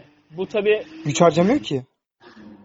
ne güzel. Aynen. Güç harcamadığından dolayı herhalde oluyor. Ya Son roundlarını taşıyabiliyor bu kuvveti yani. Kesinlikle adam hani herhangi bir şekilde gücünden feragat etmiyor ki tabii ki taşıyacak. Yani yor yani tam kardiyodan bahsediyoruz da yumruk vurmazsan teknik olarak hele boşa sallamazsan da, biliyorsun yani vurduğundan çok boşa salladıklarını yoruyor ya sen. Doğru. Haliyle güç oluyor. Ama şunu da gördük. Abi Jair Zino'nun elleri cidden fena yani. Evet, evet. Bu şunu da gösterdi. Abi Engano'nun çenesi de çok fena. Engano orada bir de ya da iki defa yiyor çünkü o girişte Jair Zino'dan. Doğru. Bakalım ya ben mesela bir rematch nasıl olur bilmiyorum da Kimle? olsun isterim yani. İşte Engano'yla tabii biraz daha süresi var ama Kimin? Jairzinho Engano rövanşı. Abi onun için Jair Zino'nun bir 2-3 maç kazanması lazım. 15, tabii. 15 saniyede knockout oldu adam. 20 saniyeymiş. Yok yok orası öyle de şey yani böyle biraz aceleye geldi ya o maç hani hemen bitti. Evet. Ve biraz da uzadığı bir e, senaryoda ne olacağını ben merak ediyorum. Yani uzadığından yani. kastın 32 saniye falan mı? Yani işte 33 34 falan. E şunu peki şunu düşünüyor musun? Engano ile uğraşabilecek kadar high output işte ve e, tekniğe sahip mi Jair Zino? Yani bir Miocic'lik yapabilir mi? Ya yok yok ya abi. Bu maçta da mesela bak notlarım arasında var abi. Bu adam sıfır head movement ya. Kesinlikle abi. Sıfır et movement. Direkt duruyor yani. Ya- O yönden şey değil kesinlikle. Ama işte şey diyorum hani böyle yan yattı çamura battı böyle bir iki round geçti işte Engano ile. Üçüncü roundda falan mesela böyle bir e, daha denk olur mu işte Engano'nun da biraz daha tükendiği ya da tükenirse tabii Abi bir senaryo. Engonu'yla en son ikinci rounda geçildiğinde ik- 2018 Haziran'da. Evet. Pardon Temmuz. Yani şimdi yok. Bunun ben çok Tamam, imkan tamam, olduğunu hadi. zannetmiyorum. Hadi hadi. Yani var yenilebilir mesela. şey. Miocic'le olsa dediğin yani Miocic olsa bu adam evet bunu konuşuruz da Jairzinho'da o potansiyel hiç yok. Yani bu kadar az head movement'la Engon oradan 5-6 defa bildiğin sallayacak yani. Komple sallayacak elini. Birisi bul- bulacak işte bu kadar basit. Aynen öyle. E, Jairzinho Var mı bu maç özelinde söyleyeceğim başka bir şey? şunu diyeceğim. Title picture'a girdi bence kesinlikle. Zaten sadece bir mağlubiyeti var. Şeye Engonu'ya. Engonu eğer title için dövüşürse konuşacağız onu. Hı hı. Title picture'da bir sürü insan var abi. Curtis Blaze var. Derek Lewis var. Overeem kazanırsa Overeem var. Jair Zino var. John Jones var. Herkes burada. Var da var. Evet. Hı hı. Önümüzdeki 6-7 ay bayağı keyifli olacak yani. Evet için evet. Diyelim ve Geçiyorum sıradaki maça. Gecenin co-main eventi Bantamweight'te gerçekleşti. Hype treni bu maçta devredeydi. Marlon Vera ile Sean O'Malley arasındaki bu maç fanların istediği şekilde bitmedi ve Marlon Vera birinci roundda teknik knockout sonucu Sugar Sean O'Malley'i mal ilk mağlubiyetini tattırmış oldu. evet. Yani bu maç çok tartışmalı bir maç. Bir sürü tartışma konusu Bir var. sürü şey konuşabiliriz evet. Evet. Öncelikle ben sana şunu sorayım. Hı hı. Mesela bu şeylerde de falan işte bu maça doğru gelince işte şey oluyor ya countdown countdown değil de neydi? Ee, Embedded. bir belgesel embedded falan oluyor. Orada mesela Sugar Sean O'Malley şey falan diyordu işte. 3 maçtır işte güzel kamplar geçiriyorum hiç sakatlık yok falan. Ee, o 10 numara gibi bir Hı hı. böyle şey vardı. Ya mesela bu sakatlık sence maçın öncesinde olup maça taşınan bir şey mi yoksa maç sırasında mı oldu? Maç sırasında oldu. Şimdi ben şöyle ele alayım abi konuyu. Şöyle diyeyim yani. Maça ilk başlandığında ben maçı iki defa izledim. Bir biraz önce izledim. Bir kez daha. E, arada da bir sürü bu insanlar ne konuşmuş. Yani ne, ne oldu çünkü anlamadığım için. Ben o baya ne oldu ne bitti falan izlemeye çalıştım. Anlamaya çalıştım. E, şöyle ilk izlediğimde dedim ki ya bu şekilde olmamalı. Hani çünkü ilk izlendiğinde şey gibi duruyordu. Sanki böyle o zıplayarak böyle bir fake atmaya çalıştığında bileğin üstüne düşmüş ve bileğini burkmuş. O yüzden de hani boku bokuna maç gitmiş gibi duruyordu. Ee, yani stoppage'da biraz erken gibi duruyordu. Yani ben ilk izlediğimde bunları gördüm. Biliyorum ben biraz daha bias izlemiş olabilirim. Çünkü Shaun'u seviyordum baya. Evet, ben o soruyu da soracaktım. Early stoppage mı diye de. Ya ben şu an işte ama mesela tekrarı gördükten sonra ve hani Shaun O'Malley'nin hiç itiraz etmediğini gördükten sonra bence early stoppage değil. Yani devam etse ne olacak daha böyle yani adam orada olmak istemiyordu ki. Şuna üzüldüm. Bence Shaun çok iyi başlamıştı. Yani elleriyle çok bir isabet bulamasa da e, ya tekmeleri bayağı efektifti bence. Vücuda orta sekmeye.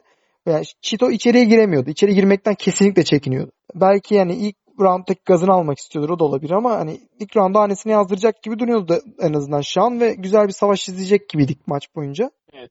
Ee, ama hem sonraki şeylerde gördüğüm hem de e, kendimin sonra bakıp tahmin ettiğim olay şu. Tam round bitimine 2.54 saniye kala Marlon Vera'nın bir tane calf kick'i var.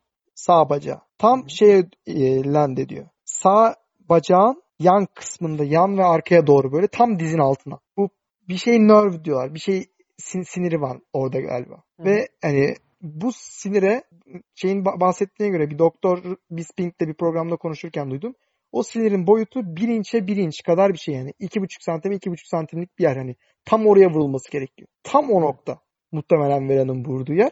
Ve oraya vurursan bacak o bacak iptal. Komple iptal. Yani o kalftaki o sinir korumasız ve tam oraya bir şekilde vurabilirsen o bacak ağırlığını taşıyamıyor. Kendi sinyal gö- gönderdiği sinyalleri gerçekleştiremiyor. Şimdi bundan sonra 2.54'te bunu yaptıktan sonra tam şey konuşmasına geçiyor.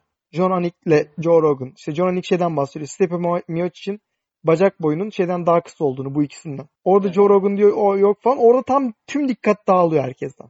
Şahsen bende dağıldı yani. O konuya gittim. O cidden öyle miymiş falan moduna bağladım. Bu orayı fark etmedim ama Sean O'Malley orada da şey yapıyor.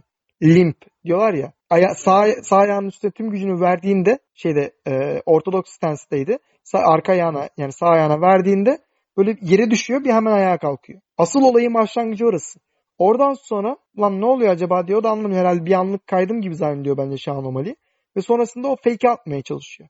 Maçın 1 1.48 falan kalıyordu. Fake atmaya çalışırken de o hani zıplayarak yapıyor. ya, O ağırlığı kaldıramıyor sağ bacak ve bir anda o sağ bacağın üst kısmı aşağıya doğru böyle klasik bilek burkma pozisyonu oluyor ama sıkıntı şu bilek burkulmuyor bence sadece orada. Dizde falan Bu- da bir şey mi oluyor? Diz değil abi. Onun şey sakatlığı var. İsmini unuttum. Van Flans tarzı bir sakatlık şimdi. Ee, tarak kemikleriyle alakalı bir şey. Yer değiştiriyorlar. Bu daha önceki Sean O'Malley'nin şey maçında bu benzer bir sakatlık yaşadı. Andre Southampton Southampton maçında Unanimous decision'la yendi ama ilk iki roundda yendikten sonra üçüncü roundda sakatlanmıştı. İşte bu sakatlığı yaşamıştı o sağ, ba- sağ bacağında. Ve yani Megan Olivier rap- raporuna göre onunla konu yani şu an alınan tek bilgi oydu resmi official bilgi. En son aynı sakatlığını tekrar ettiği yönünde. Hani zaten o bacağın alt kısmında o kitlenme olduktan sonra tekmeden sonra oraya tekrar yüklenmesi ve ayağını burkar şekilde basması bu sakatlığın tekrarlamasına neden oldu ve tamamen bacak iptal oldu. Nitekim zaten yere düşmesini sağlayan da sonra şey, e, Vera'nın yumrukları bulmasını sağlayan da hani Vera'nın oradan sonra yaptığı bir şeyler değildi. Şan ayağının üstüne basamadı yere düştü. Evet. Vera da çok çok temiz bir finisher ve hani o fırsatı tabii ki harcamadı. Ama bu şimdi Marlon Vera'dan bir şey götürür mü? Bence götürmez abi. Eğer tamamen kendisi sakatlansaydı götürüp götürmeyeceğini karar verebilirdik. Ki bunu da şu an dediğim de hipotetik biraz daha ama e, benim için yani parçalar tam oturdu. Biraz önce dedim ya bir kez daha izledim maçı. Cidden o 2.54'ten itibaren Şahan hiçbir şekilde üstüne düzgün şekilde basamıyor. E o burkma anından itibaren değil. Daha öncesinden itibaren üstüne basamıyor. Yani tam, tamamen bence o calf kick'ten dolayı. Çok başarılı execute edilmiş bir calf kick. Ve hani tamam bu şekilde olmasını istemiyordum en azından. Evet yani daha keşke keskin bitseydi maçın sonucu. Daha net olsaydı ama yani diyecek bir şey yok. Sonuçta bu hasarı e, Marlon Vera verdi ve bu dövüşün ya bu tüm MMA olayının, UFC'nin dövüşün her şeyin amacı rakibin devam edemeyeceği kadar hasar alması ve maçı kazanmak. Bunun illa knockoutla ya da rakibini çok out yaparak yapman gerek. Rakibinin eğer bacağından devam edemeyecek kadar hasarı veriyorsan kazandın maçı. Evet, aynen öyle. Yani ben ben Marlon Vera'dan herhangi bir kredi alınmasını kesinlikle düşünmüyorum. Talihsiz mi? Evet. Bence Şahan için özellikle talihsiz oldu. Marlon için de talihsiz oldu. Herkes şey diyecek. Aa, aslında böyleydi. Yani diyecek yani bir sürü insan. Tabii. Ama bence etkileyiciydi. Şahan için de çok büyük bir soru işareti. Maçı knockout olsaydı bu kadar soru işareti olmazdı. Abi bu adam cidden çok fragile mı? Çünkü çok ince. Evet. Eğer bu kadar yani bu şans büyük şanssızlık değilse de bu adam cidden çok fragile, kırılgansa geçmiş olsun yani. Şu an bu açığı bulundu zaten. Leg kick'le parçalayacaklar bundan sonra onu. Üzücü bence bayağı. Yani. Yani bir direkt bir prospekt ölmüş olabilir. Yani MMA anlamında ölmüş olabilir şu anda bir prospekt. Bu, bu çok büyük konuşuyor da olabilirim şu anda. Ama bunun olasılığı yatsınacak kadar az değil bence. Yani bu yenilgi Şahan için Olabilecek en bir kötüsü. dönüm noktası olacak. Bir- Kesinlikle. Bir, dönüm noktası olacak yani iki senaryoda da.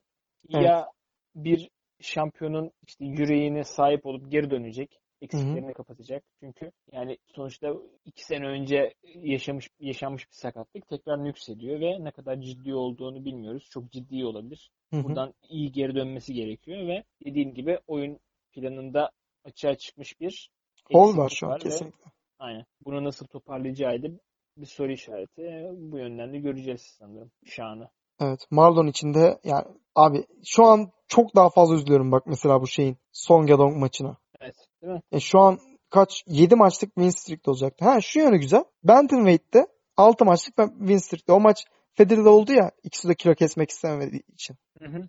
Evet. Öyle güzel bir yanı var en azından ama yine de hoş değil yani. 7 maçlık win streak'te olması ve hani o Song Yadong'u yenmiş olması onu şu an ilk ona bile sokardı rankinglerde. Bence de abi katılıyorum. Ya Marlon kesinlikle bir killer ya. Hani çok fena bir killer. Tipi de şeye benzemiyor mu abi? Ben aşırı benzettim hani. Mini boy, Yuri Boyka. Biraz benziyor evet. Bu Aslında bıyık şey şekli falan bayağı benziyor abi. Ya abi ben e, birazcık John Jones vibe'ı alıyorum. Hani o vahşilik açısından Kesinlikle, gerçekten. kesinlikle. E, hani böyle kafanı kopartacağım kardeşim falan A- Aynen. gibi bir adam yani. Figueiredo gibi tam. Kilo olarak da yakınlar. Evet.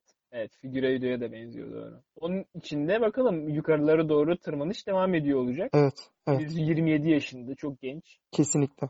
E, 27 yaşında bir veteran. aynen öyle. Bakalım bir title picture'a Bence girebilecek kalibrede bir dövüşçü. ya orası hep dediğimiz gibi e, çok stake ama Hı hı. görüp izleyip bekleyeceğiz. Bakalım Evet. Bantamweight'te neler olacak. Merakla bekliyoruz yani. Evet, evet abi. Sean O'Malley. Ya umarım geri döner çünkü Sean O'Malley gibi birine bence UFC'nin ihtiyacı var. Evet. Ya bilmiyorum ihtiyacı mı var da Çok Ee, büyük değer katar diyeyim o zaman. Yani olmak Evet. zorunda değil de çok büyük değer katar UFC'ye.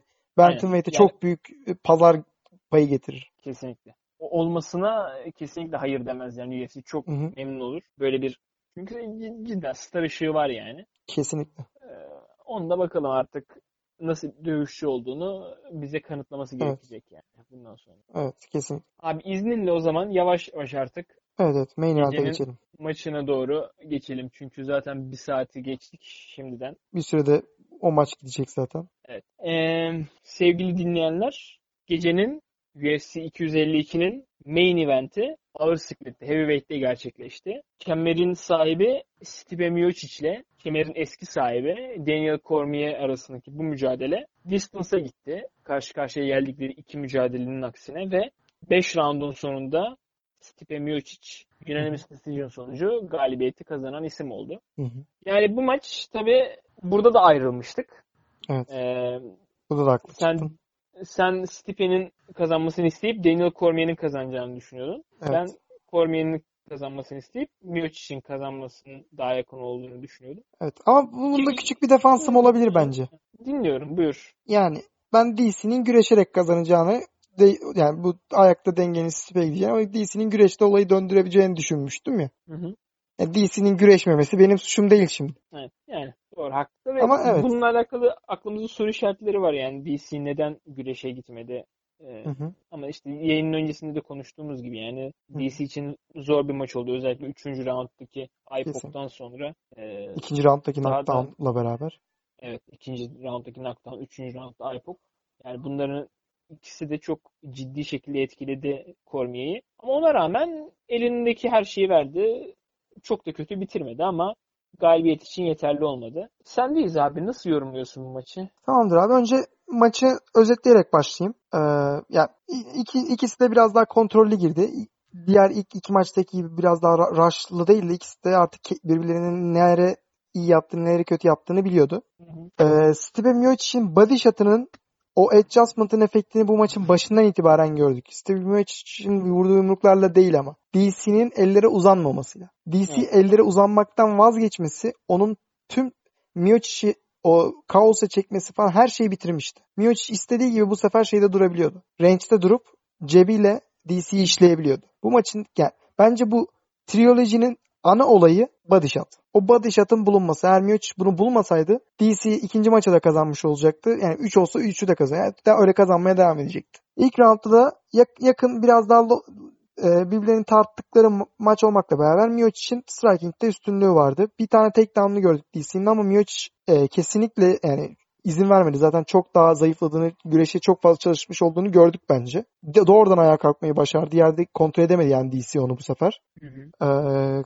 bir bo boyun kilit tarzı bir şey almışlığı var ama orada da Miocic hızlıca çıkmayı başardı. Yani çok kontrol e, kuramadı DC onun üstüne. Round sona doğru ilerlerken 15-20 saniye kalaya kadar Miocic'in roundu gibi görünüyordu ama e, son 15 saniye içerisinde DC'nin ilk maçta kazandığı yumruktan vurduğunu gördük ona sağla clinch'ten çıkarken ve tam Miocic'in kulağına geldi bu vuruş. Sol kulağının arkasına ve Miocic dizleri yere inmedi ama böyle sanki squat'a geçer gibi bir sallandı ve geri kalktı doğrudan. Hani knockdown değil ama salladı diyebiliriz rakibi. Ve bu hareket yani iki judge'ın gözünde maç e, bu roundu DC'ye verdi. Ve bence de DC'nin hakkı oldu yani bu harekette. Yani çok yakın olmasına rağmen.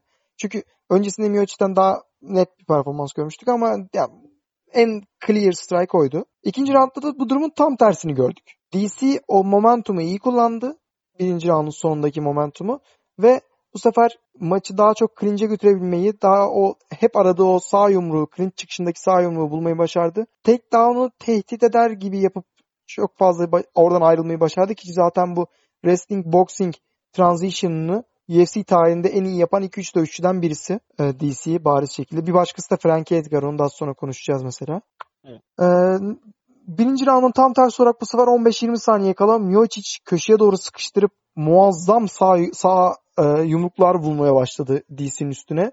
DC yere yıktı. DC'yi 10 saniye 15 saniyesi daha olsaydı knockout edecekti ki DC yani kesinlikle kredi vermemiz lazım. Orada hani mükemmel sarıldı Miocic'e. Yani hayatının sanki hayatı yani aşağıya düşecek ve yukarıda bir ipe sarılıyormuş gibi sarıldı bildiğin. Ve e, o roundu çıkarmayı başardı ama o roundun ya ben IPOC'tan çok şeyi bu olayı sorumlu tutuyorum maçın içinde. Yani IPOC hatta çok fazla abartıldığını düşünüyorum zaten yayın öncesinde konuştuk. Çünkü yani oradan sonra DC düz bir line şeklinde yürüyemedi bile köşesine. Konuşmaları çok saçmalaştı. İşte ne oluyor falan filan o tarzda konuşuyordu. Ve sağ, sağ e, sol göz değil mi? Hani, dakika. Hani sol gözü. Sol gözü o, o vuruştan sonra kapandı. Sol gözün minicik bir açıklık kaldı sadece. Yani muhtemelen o e, yumruklardan sonra DC zaten sol tarafından göremiyordu. Ve 3. roundda da bunu gördük. Miocic tamamen outclass etti. Belki Trilogy'nin en net roundu. Böyle içinde finish olmayan. Ya, tamamen Miocic'in rounduydu. DC'den hiçbir varlık göremedik. Miocic yorulduğunda ya da gitmek istediğinde ya da DC clinch'te kalmak istediğinde de yine bu sefer bu round, bu maçın da adjustment'ı şeydi. E, ortada kalıp orada clinch'te underhook'ları almak yerine ki bu ona ilk maçı kaybetmeye neden olmuştu. Doğrudan nasılsa ben daha güçlüyüm, frame'i daha yüksek olan benim deyip gitti ve DC'yi kafese yasladı. Kafese yaslayınca DC oradan elini kaçırsa bile tam güç vuramayacağını, güç uygulayamayacağını biliyordu. Ki zaten o eli kaçırmaması için de sağ, yani DC'nin sağ bileğini her zaman tutuyordu. Yani oradan underhook almak yerine sağ bileği tutuyordu. E, diğer eliyle underhook'tan rakibini kontrol ediyordu. Çok ilgincime giden şeylerden birisi DC'nin o pozisyondan çıkamaması. Abi DC Greco-Roman bir wrestler. Olimpik seviye. Nasıl ya?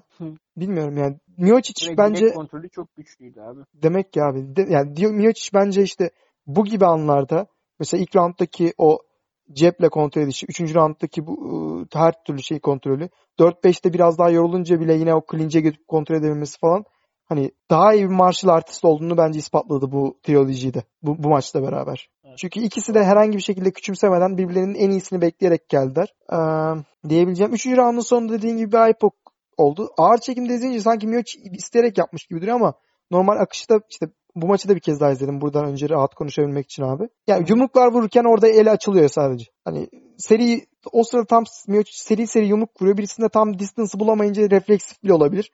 E, parmağı açılınca yani bayağı net şekilde giriyor. Mark Goddard da muhtemelen dikkat etmiyor çünkü çok hızlı geçiyor o sekans. Miocic'in o yumruk sekansı ve şey gibi duruyor. Hani seri seri gelen yumruklar gibi duruyor hızlı çekimde. Hatta ben ayırt edemedim yani hangisi girmiş lan falan diye sonra ağır çekimde ha demek buymuş diye geri sarıp falan baktım tekrardan. Talihsiz oldu. Çok talihsiz oldu. Mark Gallard'ın görmemesi olsun. Ama işte dedim ya sana yayından önce konuşuyorduk. Diyelim ki Mark Gallard gördü. Ne olacaktı? İki durum var. Ya bu maç no contest ilan edilecekti. Yani o kadar tatmin etmeyen hiçbir şey olmazdı ve DC de bunu kabul etmezdi bence. Son maçının bu şekilde bitmesini. Evet. Yani onun dışında puan kesilebilirdik. 2 puan kesilse bile Miocic kazanacaktı bence. Bence değil hakemler öyle görmüş. Ki 2 puan kesilecek bir durum da yoktu yani. Yani o, o yüzden ben aşırı etkilediğini düşünmüyorum. Özellikle 4-5. roundun gidişatını da düşündüğümüzde. 4-5. roundda büyük bir boxing göremedik. Hatta hatta 4. roundda üste çıkan genelde DC'di o exchange'lerde. Yani görememesine rağmen bence etkileyiciydi performansı. Miocic de tam yani şampiyonluk roundlarında o şampiyonluk mentalitesini yine gösterdi. Zorda kaldığı an Cringe'e gidip o adjustment'ı kullandı. 5. roundda olaylar 2-2 gibi görülebilecekken hiçbir sürprize izin vermedi. Yine daha iyi olduğunu ispatladı. Yani DC'nin son maç için üzücü oldu ama yani 2009'da başlayan bir dövüşçü bu kariyerine. Yani 30 yaşında başlayan bir insanın kariyerinde bu kadar başarılı olması bile bence muazzam. Kariyerinde sadece iki adama yenildi. O yenildiği iki adam da kendi division'ların en ileri ve e, tarihin tarihin en iyi e, kafes dövüşçülerinde ilk ondaki iki adam. Yani bunun içinde bence suçlanacak bir durum yok. Kesinlikle DC'nin. Yani UFC tarihinin en sevilen dövüşçülerinden biri olmakla beraber bence en başarılı dövüşçülerinden biri olarak emekli oldu. Ki bunda şey de söylemek lazım. Yani 5-11 bu adamın boyu. Yani benle falan aynı boyda yani öyle düşün. Ve bu adam heavyweight'te dövüşüyor. Şimdi yani böyle bir adama bu kadar dezavantajlara rağmen bu kadar başarı gösterebilmesi DC gibi DC tarzında bir dövüşçüyü bence uzun bir süre daha görmeyeceğiz. Daha iyi martial artist görebiliriz ama DC'nin yapmış olduğu, arkasına bırakmış olduğu legacy bence çok büyük. Ama yani Miocic daha iyi olduğunu ispatladı. O yani aradaki fiziksel durumdaki yani fizik olayındaki e, şeylik eşitsizliği eşi, eşitsizliği kapatacak e, şeyi DC'den bu maçta göremedik diyebiliriz. Evet. İşte yani görebilecek işte bunu kapatacak bir tane silahı vardı abi. Görebilirdik. Evet. Wrestling. Çünkü alabildiğini gördük daha önce. İkinci maçta gördük. İkinci maçta hatta round'un daha ikinci dakikasında alıp 3 dakika boyunca yerde tuttu. Yani teknik olarak DC'nin maçı kazanması için 3 takedown yeterli diye düşünüyorduk. Round başında bulunmuş 3 tane takedown herhangi bir round, herhangi roundda maçı DC'ye getirecekti. Ama ya Stipe çok güçlüydü. Bu maça çok iyi hazırlanmış olabilir. Bilemiyorum yani. Ki zaten ne kadar slim olduğunu, ne kadar jacked olduğunu gördük yani. Evet abi onu diyecektim yani. Çok iyiydi fiziği yani. Fizik olarak çok iyi gözüküyordu. Ve güzel bir saç kesimi vardı. Bunu Evet abi. söylemeden Tam, geçmeyeceğim. ya, çok aşırı yakışıklıydı kesinlikle. Evet. Fi- film yıldızı falan olmak istiyor bile olabilir. Bu dövüşçüler e, mesela Poirier'de de gördük bunu. Keldi bir ara. Sonra güzel Evet. bir saç kesimine Evet. geçtikten sonra bayağı e, güzel bir derece yakaladı. Aynı Evet. şey Miocic'te de geçerli olur mu acaba? Göreceğiz. Abi Miocic konuşmasını düzelsin direkt her filmde aktör olarak oynar. Değil mi? diye konuşmazsa oynar yani. Evet. Ama bu embedded'larla, countdown'larla Miocic'in konuşmasını çözdüm artık ya anlıyorum. ben hala anlayamıyorum abi. Hemen abi anlayamadığım bir metin olursa dinleyicilerimize söyleyelim. Doğrudan e, bize ulaşsınlar ben çeviririm. Eyvallah çok iyi. E, ben anlayamadığım videoları sana artık. Yani. Tamamdır. E, yani şey ikonik bazı şeyler var bu maç özelinde abi. Hı hı. Mesela Stipe Miocic UFC tarihinde ilk kez 3 kez arda arda aynı adamla dövüşen bir kişi oldu. Hı. Son 3 maçı da Cormier'e karşı. Vay enteresan. Bir başka olay yani DC'nin kariyeri boyunca en çok eleştirildiği, en pis görüldüğü olayın yani IPOC'un kendisinin kariyerinin son maçında bu şekilde yaşadı. Hani eden bulur diyorlar ya ya da karma. Evet. Cidden o yani. Miocic'in ko- korona şey aa korneasını yırtmıştı. Korona dedim ya. Neyse. Korneasını yırtmıştı bir önceki maç. Hatta bu maçın bu kadar gecikmesinin nedeni de oydu. Bir sene boyunca. Ve bu maçtan da zararlı çıkan ya bu maçta da benzer bir durum ona oldu. Ki maçın başında da kendisinin IPOC'u vardı mesela falan. Yani çok ilginç ya. Ya ama ben bu IPOC'a yani Miocic'in DC'ye yaptığı IPOC'a senin sen birazcık daha e, soft yaklaşıyorsun bence. Yani o oyunun gidişatında oyunun gidişatına göre çok fazla belki etkilemedi. Hani mesela 4 ve 5'te bayağı şeyde clinch'te maç döndü. Hani orada DC'nin e, hani bir gözünün görmüyor olması inanılmaz bir e, eksiklik yaratmıyordu ona ama ya abi o olay bence bayağı etkiledi ya DC mental olarak yani özellikle. Çünkü zaten knockdown olmuşsun bir önceki round. Onun üstüne de böyle bir şey gelip direkt kör olmuş olman. Hani artık knockdown'la mı oldu o görmeme yoksa hani IPOC'lama bilmiyorum ama sonuçta bir knockdown ve bir IPOC var ve hani öyle böyle değil ya. Adam bayağı nasıl sokuyor parmağını ya. Parmağını hepsi giriyor neredeyse adamın gözüne yani o ağır çekimde yakından. Görünce ben e, böyle bir kötü oldum. Şimdi öyle bir durumda hani 2-3'ü zaten vermişsin round olarak. Ondan sonra toparlaması gerçekten zordu ve yetmedi yani ama Ee, Ya kesinlikle saygı duyuyorum abi de. Bence o olay DC'nin 4'te daha agresif gelmesine bile neden oldu. Yani 4'ü almasını sağlayan olay bile oldu bence. Çünkü 3'te Tabii. hiçbir şey sağlay hiçbir şey ortaya koyamayacak gibi giderken bence onun agresifleşmesini sağladı olay. maçta zaten şey e, işte Joe Rogan falan konuşurken hatırlıyorum. Hani DC hep şey diyormuş yani 3. roundu ben salarım abi dinlenirim falan diye. Hani e, Stipe adına çok daha net bir roundtu tabii. Ama burada aynı zamanda DC'nin de biraz daha hani ne bileyim dinlenme roundu olarak 3. roundu seçmesi de e, rol oynadı bence. Ama işte tam o sırada şeyin olması e, dediğim gibi 4. roundda olması gerektiğinden daha agresif yaklaşmasına neden olup belki de 5. roundda e, gaz tankının daha hızlı bitmesine bile yol açmış olabilir yani. Abi ikisi iki round aynı anda almasının bence olasılığı yoktu DC'nin o hasarla. Diyorsun. Ya bak ben şunu şuna bakıyorum şimdi. Evet Alpok çok ciddi oldu doğru ama ya iki şeye bakıyorum. Bir intentional mı? Bence kesinlikle Değil. değil. İki canım kesin. dövüşü etkiledi mi?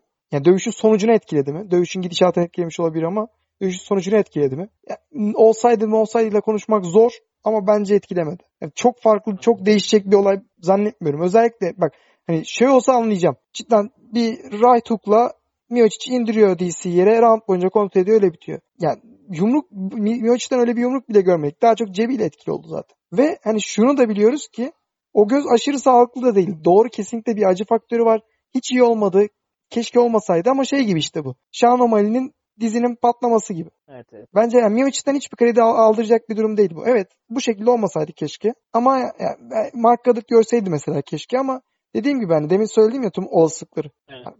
Ya, Miocic poklu ya da poksuz ki zaten ikinci ikinci maçta o Aypok'a rağmen Miocic knockout bulmuştu. Biliyorsun ikinci round, ikinci maçta Miocic'in retinası yırtılmıştı. Evet. Yani şimdi öyle düşününce evet tarihsiz oldu ama yani Miocic kesinlikle oktagon içindeki daha iyi insandı yani. Evet. Kesinlikle katılıyorum. E işte o, burada ama şöyle bir olay var ya hani işte o göze parmağı görseydi Mark Goddard belki hani 3-4 dakika 5 dakika Daniel Cormier'e işte Ha. dinlenme zamanı verebilirdi. Belki orada toparlanma ihtimali vardı ama Tabii doğru. senin de Doğru. dediğin gibi yani Miocic'ten kredi çalmaya gerek yok. Gayet iyi bir performans sergiledi. Yapması gerekeni yaptı.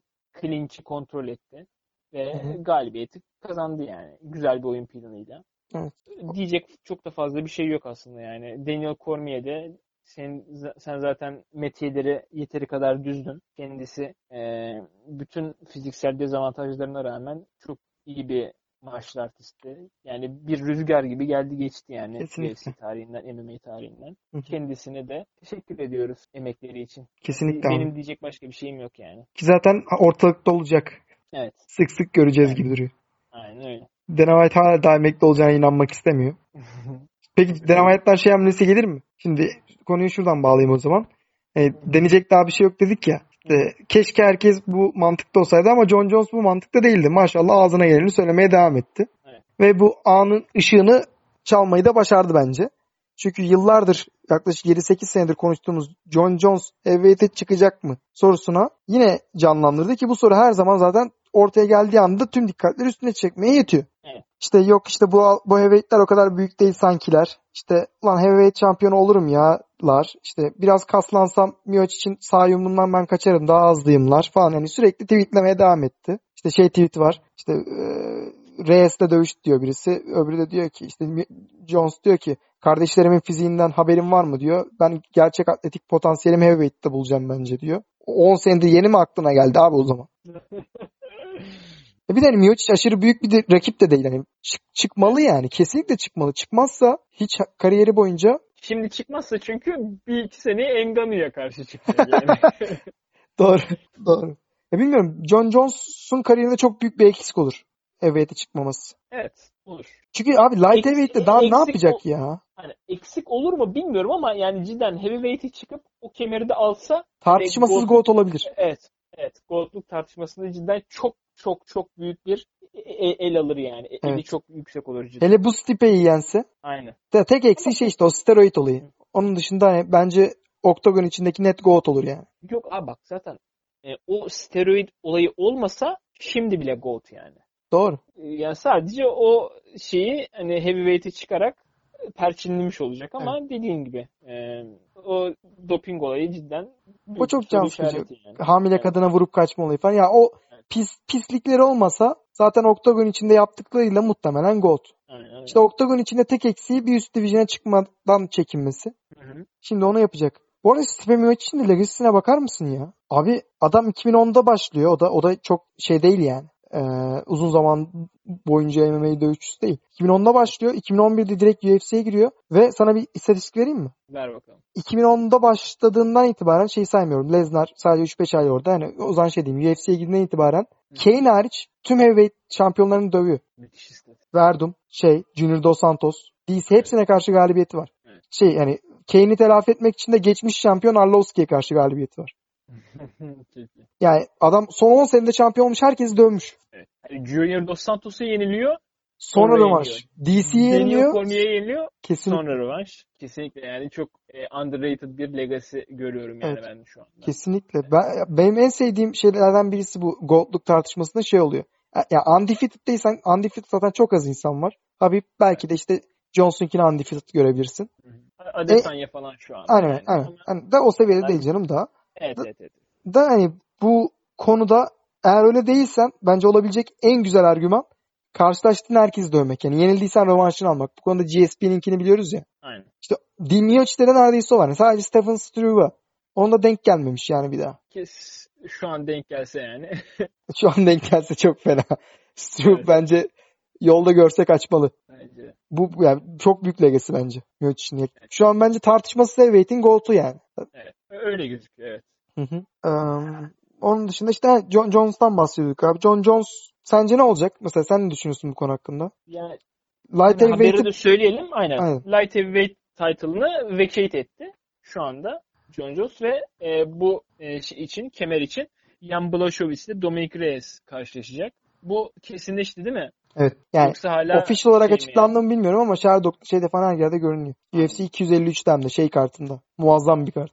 Yani? Ee, Easy Costa kartında. Evet. Yani e, işte John Jones şey açıklaması falan da yaptı. Yani birkaç ay yine ağırlık kaldırmaya devam edeceğim. Hani martial arts'a devam edeceğim ya da işte e, şey testi olursa diye. USADA pool'una kalacağım. Aynen. E, işte sample vermeye devam edeceğim diye. Ya John Jones bence istiyor Kesinlikle. Bence de şu an istiyor. çıkmayı. Hı hı. E, çünkü şu anda çok güzel. Hani DC çekilmiş. Zaten DC kendisine bir tehdit değildi çok fazla ama Evet Ee, fiziksel olarak hani- çok üstün kalıyordu. Aynen. Yani çok güzel bir şey var. Hani Stipe Miocic çok net bir şekilde DC'yi yenmiş. Hani bu aradaki rivalry'yi bitirmiş. Çok net bir Evet. şekilde şu anda heavyweight GOAT olarak gösterilebiliyor. Bunun üstüne gelip Stipe'yi yenmek onun legacy'sine legacy katar. Evet. O Yenilse yönden- de benim division'ım değilmiş diyecek yani. Aynen öyle. Aynen öyle. Ee, o yönden bayağı optimum bir durum var John Jones için. Evet. Yani ben tabii dövüş sever olarak istiyorum abi heavyweight'e çıksın.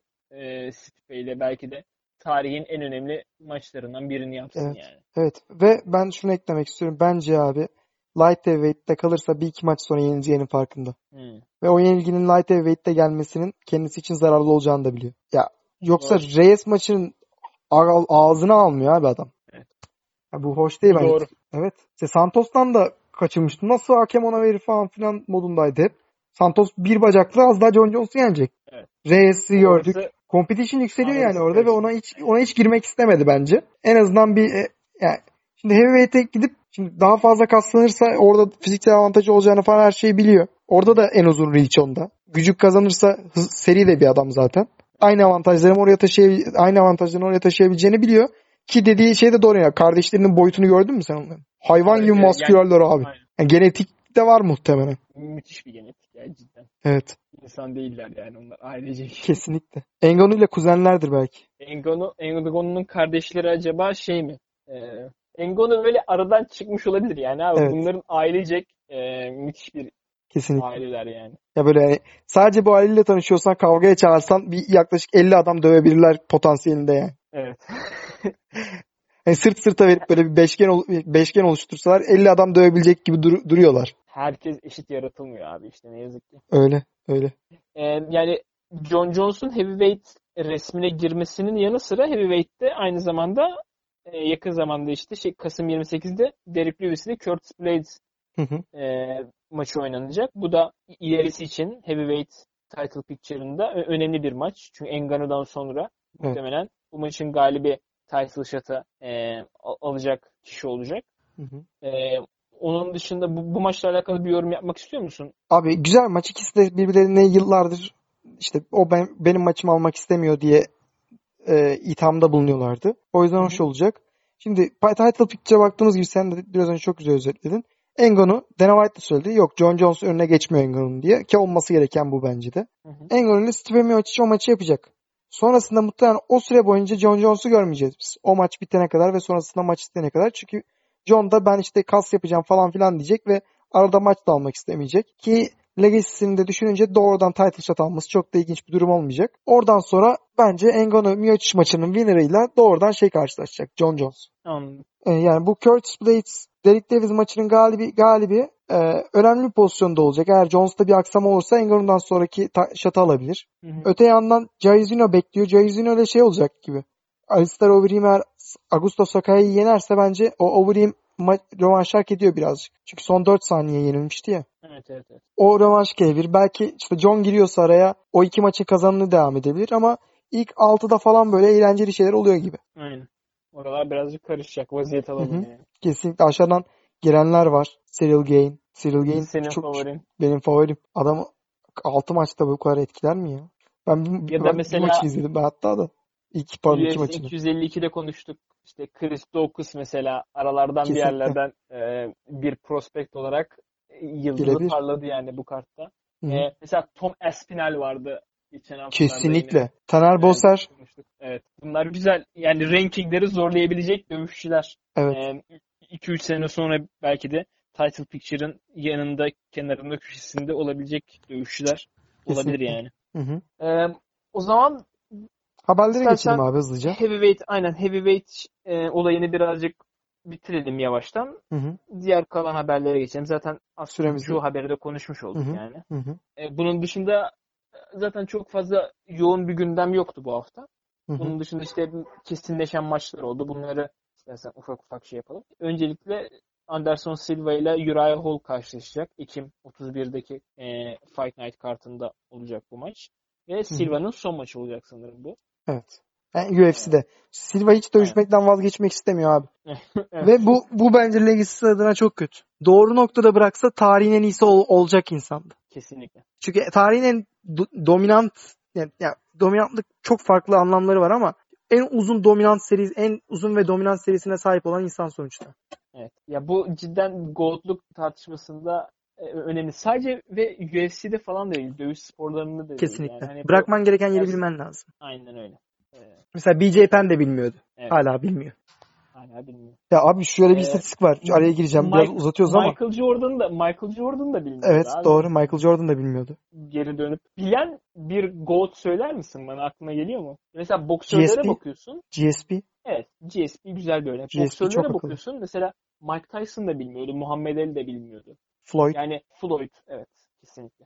Floyd ve GSP akla, aklına Evet. gelebilecek. Evet. Habib gibi duruyor. örnek. İki maç sonra bırakacaksa. Onu o zaman konuşuruz. Evet. Yani başka Bir örnek biliyordun. Aa, şey ya abi Silva'nın şöyle bir istatistiği var. Silva'nın middleweight şampiyon olarak kaldığı süre geri kalan herkesin kaldığı süreyle aynı. Hatta bir, birkaç gün daha fazla herhalde. Of böyle bir istatistik. Böyle bir istatistik. Geçen gördüm. Duydum ya. Belki bir miktar ya- yanılıyor olabilirim. Ya da izlediğim videonun tarihi biraz daha geçmiş tarih olabilir yani. Geçmiş olabilir de. Silva 7 sene mi 8 sene mi kal- ne kaldığını düşünürsen çok ilginç değil yani. Müthiş istatistik yani. Kesinlikle. Ama tabii nerede bırakacağını da bilmek gerek. Kesinlikle. Diyorum ve e, Başka açıklanan maç. Hı hı. Hı hı. E, bu zaten bizim programımızda çok dile getirilen bir maçtı. Featherweight'te Korean Yes. Zombie ile Brian Ortega arasındaki bu mücadele Ekim 17'de olacak. Bu da bir Fight Night gecesinin headline olacak. Evet. Ki o Fight Night Evet. gecesinde bir tane daha güzel maç vardı. Jessica Jessica, ve Jessica Andrade. iki Jessica karşılaşıyor. Hmm, güzel. Evet. Gayet hoş bir Fight Night olacak yani. Evet. Zaten Biliyorsun- bu maç bile aslında e, Kesinlikle abi bu maç tam bir banger ya. tam bir banger bro. Aynen. Biliyorsun şey benim Kaan Kural'ın tabiriyle evlatlarımdan bir tanesi. Ortega. Çok güzel. O yüzden Ya ben bu maçı merakla bekliyorum. Bu ikili arasındaki husumet de çoğu Kesinlikle. dövüş sever arasında biliniyor. Ee, Hı hı, biz de merakla bekliyoruz bu maçı. kesinlikle. Ve Zabit maçında Belki- iptal olmasıyla bu maçın kazananı cidden title shot için çok büyük e, iddiaya sahip olacak şimdi. Ama sanırım Yayır Zabit maçını bir reschedule yaptılar. Ama geç. Geç değil mi? Evet. 254'e sanırım. Vay. Aynen. Ha, Habib kartına. Kesin mi bu? kart, ya, ben öyle gördüm. Öyle hatırlıyorum. Ee, Abi o kart ne o yapıyor kart ya? Bomba abi. O, o kart da banger yani. Ee, O ve kart- hani şey tam. Habib, İslam ve Zabit üçü birden. Umar da var. Aa. Evet Umar da var. Geçen Evet, açıklandı o da. Ve hani onların da dışında abi şimdi ben Şehir 9 sayfasını açtım. 4 tane maç açıklanmış görünüyor. Şimdi 4 maçtan hiçbirisi boş değil. Sayıyorum sana. Habib geç bariz zaten. Volkov Volteris. Tertemiz. Whittaker Jared Cannonier. Aman yarabbi. Aman Diyorlar. ya Rabbi abi ne biçim maç. Sonra dördüncüsü de Cynthia Calvillo, Lauren Murphy. Yani Flyweight'te bulabileceğimiz en iyi iki contender muhtemelen. Değil mi? Doğru.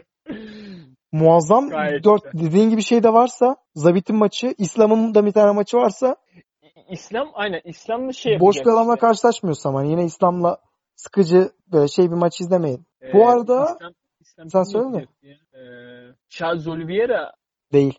Charles Oliveira buklandı şu an onu söyleyeceğim. ha ha ha okey. Kimle buklandı Charles Oliveira? Benil Dariush. Aman yarabbi. Bu Çok güzel kesin maç. mi? Kesin. Kardeşim böyle şeyler çok güzel. Ve yani bilmiyorum ne da zaman acaba? Ha şey unuttum e, tarihini ya. İslam Makachev şey Ardiye abi Rafael Dos Anjos. Aynen. Oo, te- Charles Oliveira eskiydi. E, sonradan Rafael Dos Anjos. Çok Bu temiz şey maç o da. Sanırım kesin ya bu. Bu şey değil yani. Ben görmedim Bu hiç haberini de olabilir. Bayağı 254 Çok çok Hani bek prelim- merakla bekliyoruz şu anda. hani prelimler bile bayağı şey olacak sanırım. Evet 253 de 254 de ikisini de çok fena bekliyorum abi. Aynen. Aynen. Bakalım. Hı hı. Bu arada Ee, şey Dar, Dar? Darius Oliveira maçı hakkında geçen hafta konuşuyorduk ya işte Darius kim alsa işte cidden çok solid falan. Abi Oliveira da olabilecek en ters eşleşme be. Evet evet evet. Çok bakalım. Darius buradan alnında küle çıkarsa cidden O, büyük o çok büyük olur. yani. Ya çünkü Darius'un BJJ'den daha superior çok az BJJ var. Ama Oliveira da onlardan biri. Aynen öyle. Ayakta da Oliveira şimdi Darius çok geçti ama Oliveira çok daha iyi. Evet. Üzücü oldu ama bakalım. Ay ben çok heyecanlandım bir an bak. Evet o maçı mesela sıkıcı geçme olasılığı yok. Aynen. Her an böyle bir her an KO ihtimali, Kes- her an sap ihtimali, flying her şey olabilir. triangles falan aynen. Kesinlikle. E, That's an absolute banger. Banger çok maç var önümüzde abi harbiden. Kesinlikle. Şimdi abi o zaman ufaktan artık Bir sonraki kar- şey, önümüzdeki hafta aynen. sonu olacak. UFC on ESPN 15 kartına geçelim. Ve Evet. yayından önce konuştuk ya hani main kartın hepsini mi konuşalım yoksa main sadece kartın o hepsini main- hızlıca main- konuşalım aşırı emin olmamakla birlikte. Tamam. Küçük küçük değinelim bence. Bakayım. Yani öncelikle kartı geçmeden önce ben şunu söyleyeyim abi sonra Hı hı. devam et. Yani bu, bu kart şey olarak isim değeri olarak uzun zamandır gördüğümüz en boş kart. En son şeyi görmüştük. Jessica Ay, Cynthia Calvillo kartını görmüştük. Evet. Ama o kartta aşırı keyifli çıkmıştı.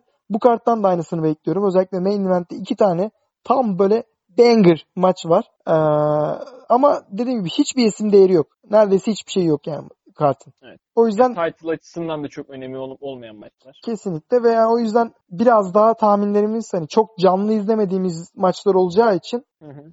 sapma olasılıkları fazla tahminler olacak gerçekten. Bunun Evet. için de şimdiden özrümüzü dileyelim. E, karta geçmeden önce de tabii e, yani UFC ile MMA ile alakalı olmayan ama e, Ha evet evet bizi doğru. ilgilendiren bir haberi de konuşalım. Onu atlamayalım. Evet bakmayın.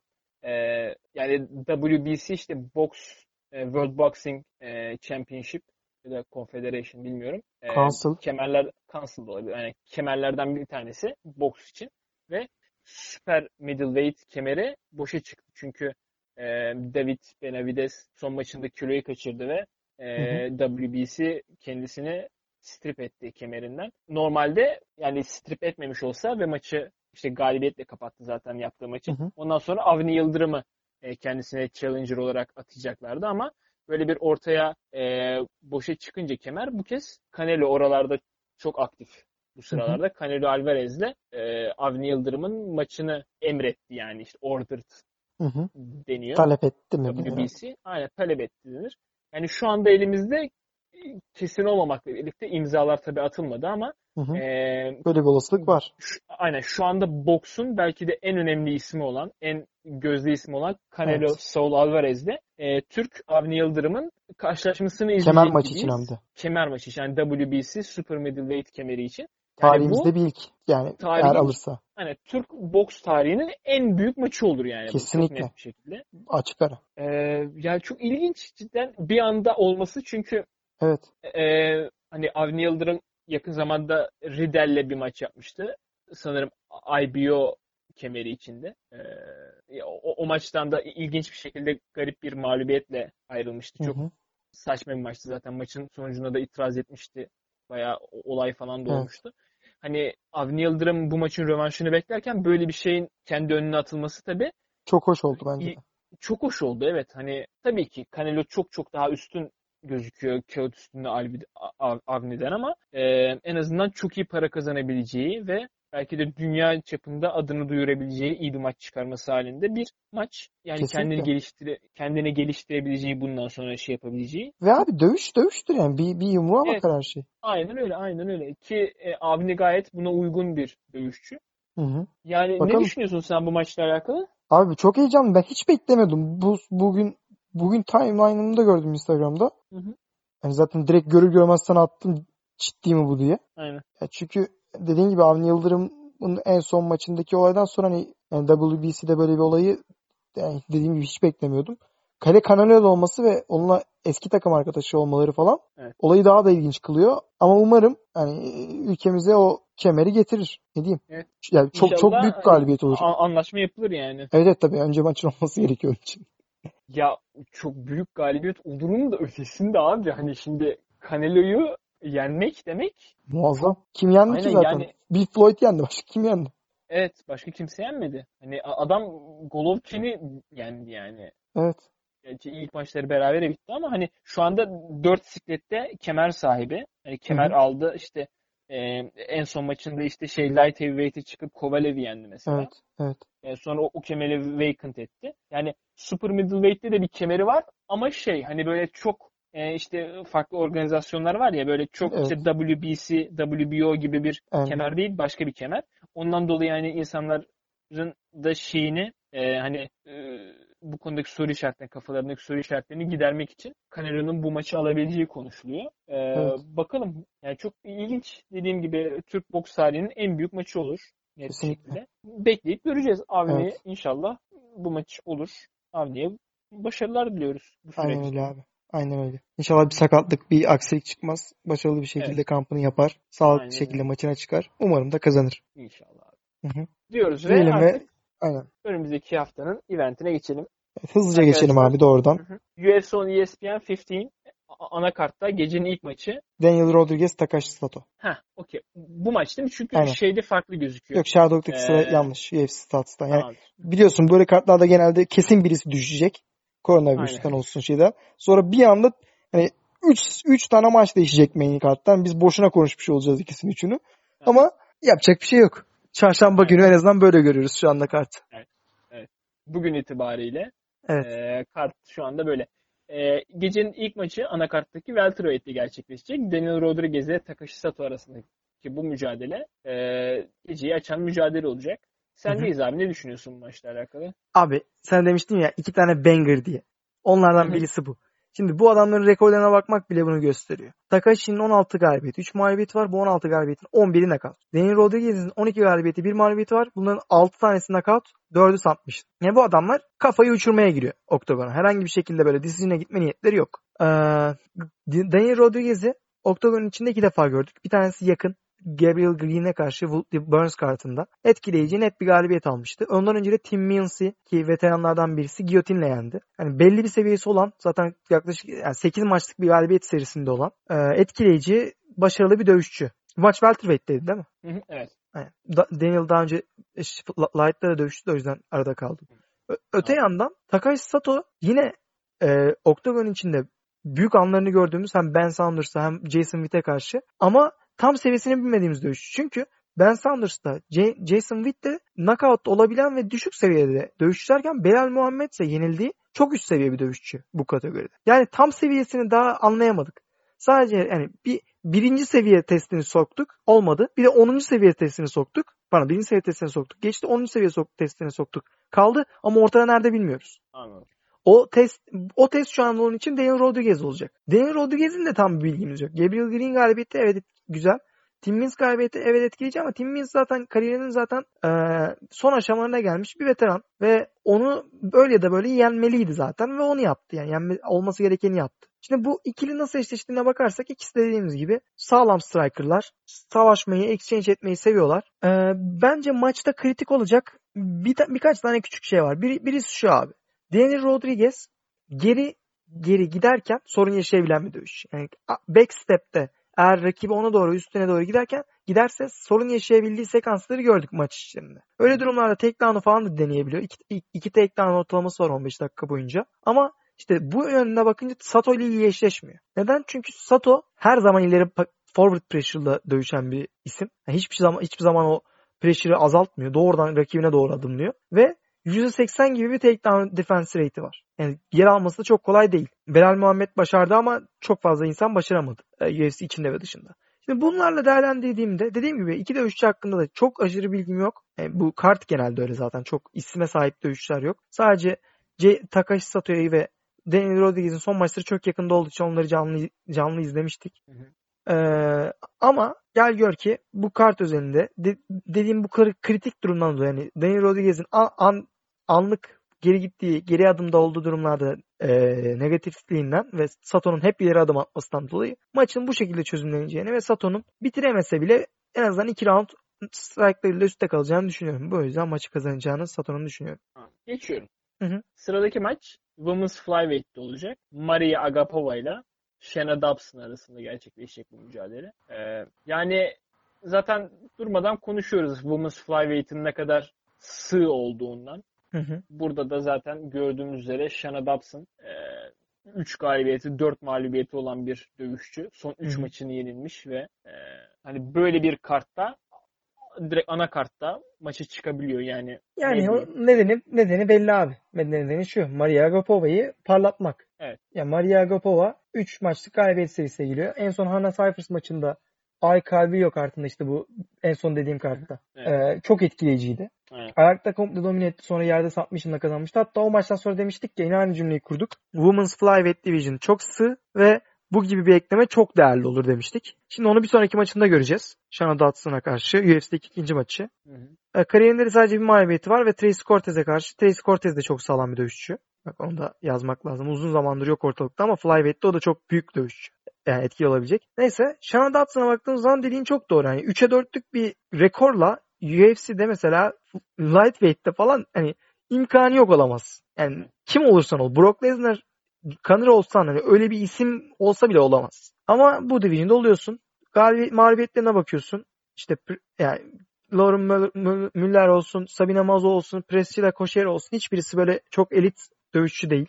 Saygı duymakla beraber. E 40 saniyede Priscilla Koşero'ya knockout olduysan, kariyerinde 7 sene amatör boksing yapmış olan, bu kadar sharp striking'e sahip olan Maria Agapova'ya ben herhangi bir cevap gösterebileceğini hiç zannetmiyorum. Yakın zamanda Team Elevation'a geçti. Shana Dotson. Belki bunun etkisini biraz görebilir. Biraz daha gelişmiş olabilir bu Team Elevation şeyin, Yate'inin falan cimi. Hı. Ama hani, ya iddia oranları bence çok şey söylüyor. Maçı da ya çok da uzatmamıza gerek yok. Maria Agapova eksi 1000 oranı. Evet. 1.09 falan. Yani tamamen işte şey Agapova'nın aktif kalmak istemesiyle Agapova'ya yem yani şey onu parlatmak için güzel bir maç. Peki nasıl kazanır? Onu sorayım. Knockout. Knockout. İlk round içinde knockout. Geçiyorum. Hı hı. Sıradaki maç Light Heavyweight'te olacak. Marcin Pracino, Pracin, Prachnio arı- ile Mike Rodriguez arasında olacak bu mücadele. Evet. Ee, yani zaten iki ben iki adam konusunda da çok fazla fikrim yok yani. Benim de bu, Sen- bu program hazırlanmıyorsam benim de hiç bilgim yoktu abi. Kesinlikle aynı durumdayım. Sadece bu e, hazırlanırken, araştırırken gördüğüm birkaç bir nokta var. Birincisi Prashnio'nun 2 senedir Oktagon'dan uzakta oluşu. Evet. Ondan önce de iki maçlık bir mağlubiyet serisi vardı Oktagon'un içinde ve Oktagon'da daha galibiyetle tanışamadı. Ve çok e, sloppy ve belirsiz bir dövüşçü genel olarak teyplerine baktığım zaman. Yani böyle yani direkt rushlıyor. Herhangi bir şekilde Oktagon'u katma, kat yaparak rakibin yollarını kesmek falan gibi niyet yok. Tamamen vururum inerse iner inmezse ben mantığıyla gidiyor ki 17 maçının 13'ünün knockout'la bitmesinin nedeni de bu. 10 tanesini kazandı. 3'ünü knockout'la kaybetti. Ee, UFC'deki 2 maçında da knockout'la kaybetti. Mike Rodriguez de çok farklı bir mentalitede değil genel olarak. O da 14 maçında 8 ga- knockout galibiyeti var. 1 knockout mağlubiyeti var. Son 4 maçında çok başı e, sorundan kurtulmadı UFC'deki maçlarında. Ama şunu biliyoruz ki ikisi de eğlenceli bir dövüş verecek bize. Yani banger de- dedik ya demin iki tane. Evet. Bir başka banger beklediğim de bu. Çünkü ikisi de tamamen rakibin kafasını uçurmak için şey çıkıyor. Böyle bir durumda daha aktif olan, daha e, sık dövüşen insanın bir kere baştan bir avantajı olduğunu söylemek lazım. Prashino, Prashnio pardon, UFC'den daha başka organizasyonlarda daha netti ve daha fiziksel olarak gelişmişti bir kere.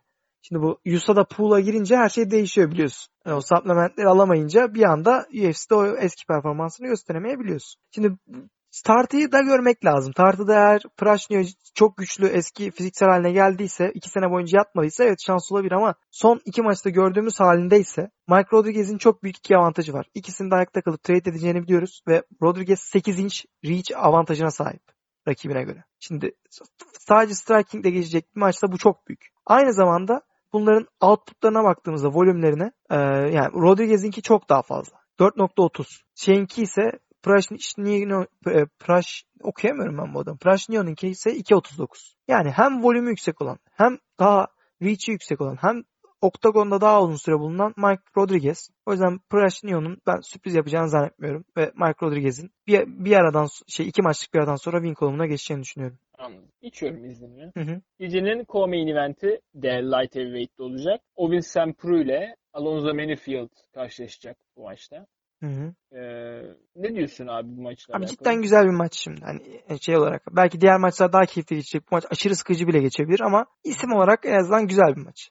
Bir şeylere etki edebilecek bir maç. Ee, iki kişi, ikisini birbiriyle karşılaştırdığımızda gördüğümüz şeylerden birisi şu Owen St. son maçında e, heavyweight'e çıkmıştı Ben Rothwell'e karşı. Ama aradığını bulamadı. Split decision'la mağlup olup geri döndü buraya. Diğer taraftan Alonso Manifield de yine mağlubiyetle geliyor. 9 maçlık etkileyici bir galibiyet serisi vardı. Dynamite Contender Series'deki knockout galibiyetinden sonra geldi buraya. Ee, ki 8 saniyedeydi oradaki knockout. Daha önce de Dynamite Contender Series'e katıldı. Yenmesine rağmen kontrat alamamıştı. İkincisini de aldı. UFC'deki iki maçında da iki galibiyeti vardı. Ee, Paul Craig yendi ki Paul Craig'i gördük geçen maç seviyesini. Ama sonra Devin Clark maçında biraz beklediğini bulamadı ve şu büyük holu ortaya çıktı. Abi birinci rounddan sonra Alonso Manifield bitiyor. Zaten kariyerinde ikinci roundun 32. saniyesinden sonra herhangi bir galibiyeti yok. yani kom komple bitiyor. Devin Clark'ı da parçaladı ilk round. Devin Clark içimden geçti. Ne, nasıl, nasıl yumruklar burada ama sonrasında Clark ayakta kalınca devamını getirebildi. Şimdi Alonso Manifield Field, bir insan olmaması gerektiği kadar kastı. Hani bu seninle geçen en fizik dövüşler konuşuyorduk ya. O kadar fizikli. Evet. Bir insan bu kadar kaslı olmamalı. Hani sen yani bir supplement bir şey falan olmuş olmalı ama yok. Yani.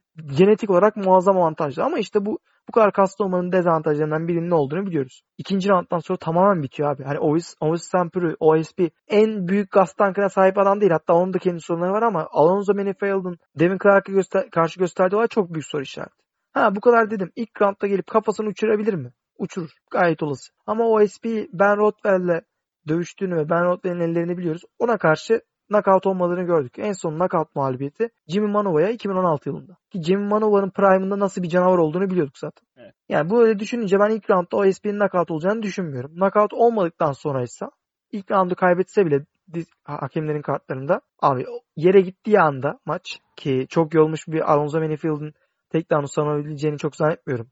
Normalde %85 olmasına rağmen takedown defense rate'i. Tam bir juggernaut olduğu için savunabiliyor ama enerji tamam bitince ne olacak belli değil. Yani OSP'nin left kick şey high kick'i var. Çok output olmasa da o high kick'i bulabilir. Alonso'dan 3 3 inç daha uzun.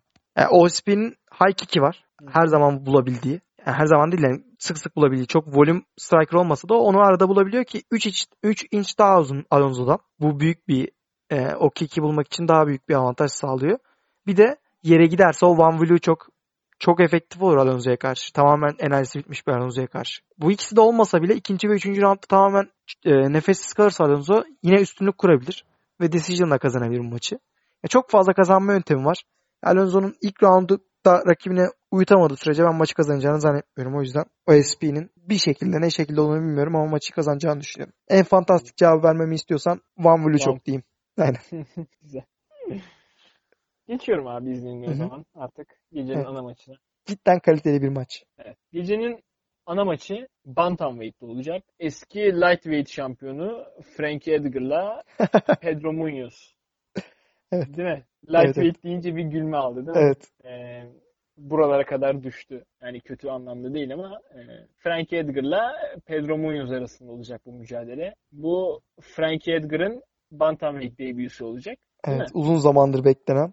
Yaklaşık evet, bir sene oldu yani. En son Ocak'ta olacaktı bu. Corey Sandhagen'e karşı. Hı hı. Chen Sung Jung maçından Ortega'nın çekilmesiyle başlayan bir zincirden dolayı yeni görüyoruz. Evet, evet. evet abi sendeyiz. Ne düşünüyorsun bu maçla alakalı? Ne olur ne biter? Tamamdır abi. Abi dediğin gibi biraz önce o güldüğüm noktayı şey yapmak lazım. Bu adam eski lightweight şampiyonu. Ve aslında asıl division'ı bantamweight. Evet. Bu yani sırf bu bile yani Frankie, Frankie'ye saygım aşırı çok. Yani her zaman kariyerinde bu DC'nin olayı gibi. O kadar büyük adversity ile karşılaştı ki. Ve yani kilo kesmek değil ve o division'da tutunmaya çalıştı. O division'da şampiyon oldu. 3 de şu an division tarihinin en çok title defense yapan insanı. Yani 3 kişiyle beraber paylaşıyor bu feat'i ama hı hı. E, division'ın yani UFC tarihinin en büyük triyolojilerinden birisine imza atmış birisi. Evet. Maynard'da olan triyoloji. BJP'ni 3 defa yenmiş birisi. Charles Oliveira'ya karşı galibiyeti var. 2 defa Jose Aldo ile karşılaştı lightweight e, şey e, featherweight title için. Chad Mendes, Faber, Cap Svensson, Yair Rodriguez, Jeremy Stephens. Yani şu an emekli olsa bile mükemmel bir kariyeri var. Ama ne diyorduk? İşte artık o üst divisionlarda hız avantajı da azalınca güçten de biraz daha düşünce ayakta zaafları belli olmaya başladı. Evet. O Iron Chin'di bildiğin. Herhangi bir şekilde yeri düşürülmezdi ama Ortega'dan muazzam bir uppercut'la o Chin'in o özelliğini artık geride bıraktı. Ve Korean Zombie maçında da çok fena yenildi. Evet. Bence hiç hoş olmadı o maçı. Alması bile çok hoş olmadı. O yenilgi çok büyük soru işaretleri oluşturdu bence onun için. Bu maça geldiğimizde. Frank Edgar ilk defa kendi boyunda biriyle dövüşüyor herhalde. Hı. İlk defa reach avantajına sahip olacak. Ama mesela bu maçta güç avantajına sahip olmayacak. Yukarıdan geliyor olmasına rağmen muhtemelen. Abi Çünkü Ped- Pedro Munoz. Pedro Munoz canavar ya. Ve Pedro Munoz yeri almak aşırı zor. Şimdi Frankie hakkında ne dedik DC ile konuşurken demiştim.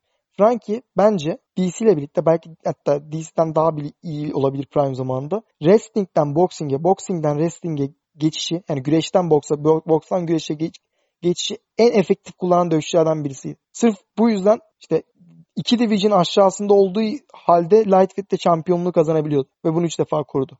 Ama artık bu hızında değil. Ve şimdi Pedro Munoz'u incelersek abi Pedro Munoz ya lakap muazzam zaten The Young Punisher. Artık o kadar young değil de ya mu- muazzam bir dövüşçü ya. Kesinlikle knockout olamayan bir adam bir kere. E, Cody'den kaç tane yumruk yedi abi knockout etmeden önce onu?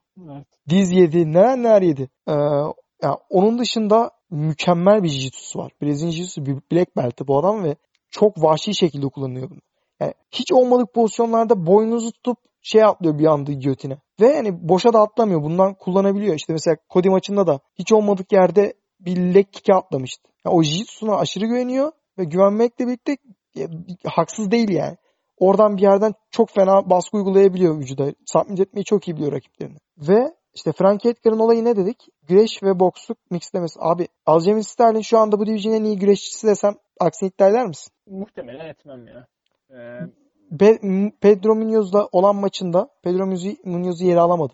Çok uğraşmasına rağmen. Evet. Şimdi bu bir şeyler söylüyor. Pedro Munoz'u yere alamıyorsunuz. Yere alsanız bile çok rahat edemeyeceksiniz o BJJ tehdidi karşısında. Ha Pedro Frankie alabilir mi? Evet o biraz soru işareti. O da o da zor. Ha şey yapabilir. Bir anda böyle boynuna atlayıp bir takedown'a girişmeye çalışabilir ama yere alabilmesi de zor. Şimdi onu da söylemek lazım. E ne olacak yani? Bu maç muhtemelen ayakta çok güzel bir stand-up fight, fight olarak geçecek tamam mı? Ama burada da şimdi Pedro'nun çenesi abi. Pedro'yu nasıl knockout edeceksin ki? Ne yapacaksın yani? Frankie tam iki division üstte insanları knockout ediyordu ama artık o gücünde değil. mi. Değil abi.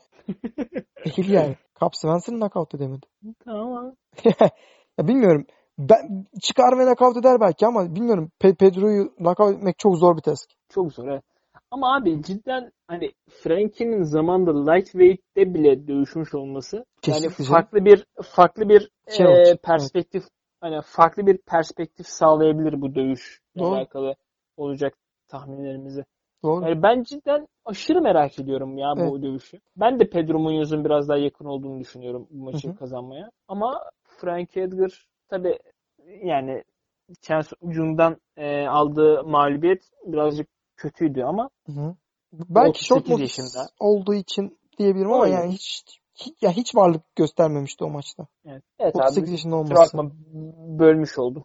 Yok yok estağfurullah abi. Yani o, Evet. onun dışında diyebileceğim bir başka konu işte Pedro Munoz'un elleri de çok fena gelişiyor. Hani ve ve ve, ve bir konu daha bunu unutsam çok üzüldüm. Ee, abi leg kick. Pedro Munoz bacağınızı parçalıyor resmen. Yani Aldo seviyesine yakın bir leg kick tehdidi var Munoz'un. Şimdi Frankie'yi bu çok fena etkileyebilir bence. Çünkü Frankie bu kiloya daha önce çok düşmediği için ne kadar gücünü taşıyacağını, ne kadar mesela bacaklarından kilo kaybedeceğini de bilmiyoruz. Pedro Munoz'un bu calf kickleri adapte edemeyeceğini hiç zannetmiyorum.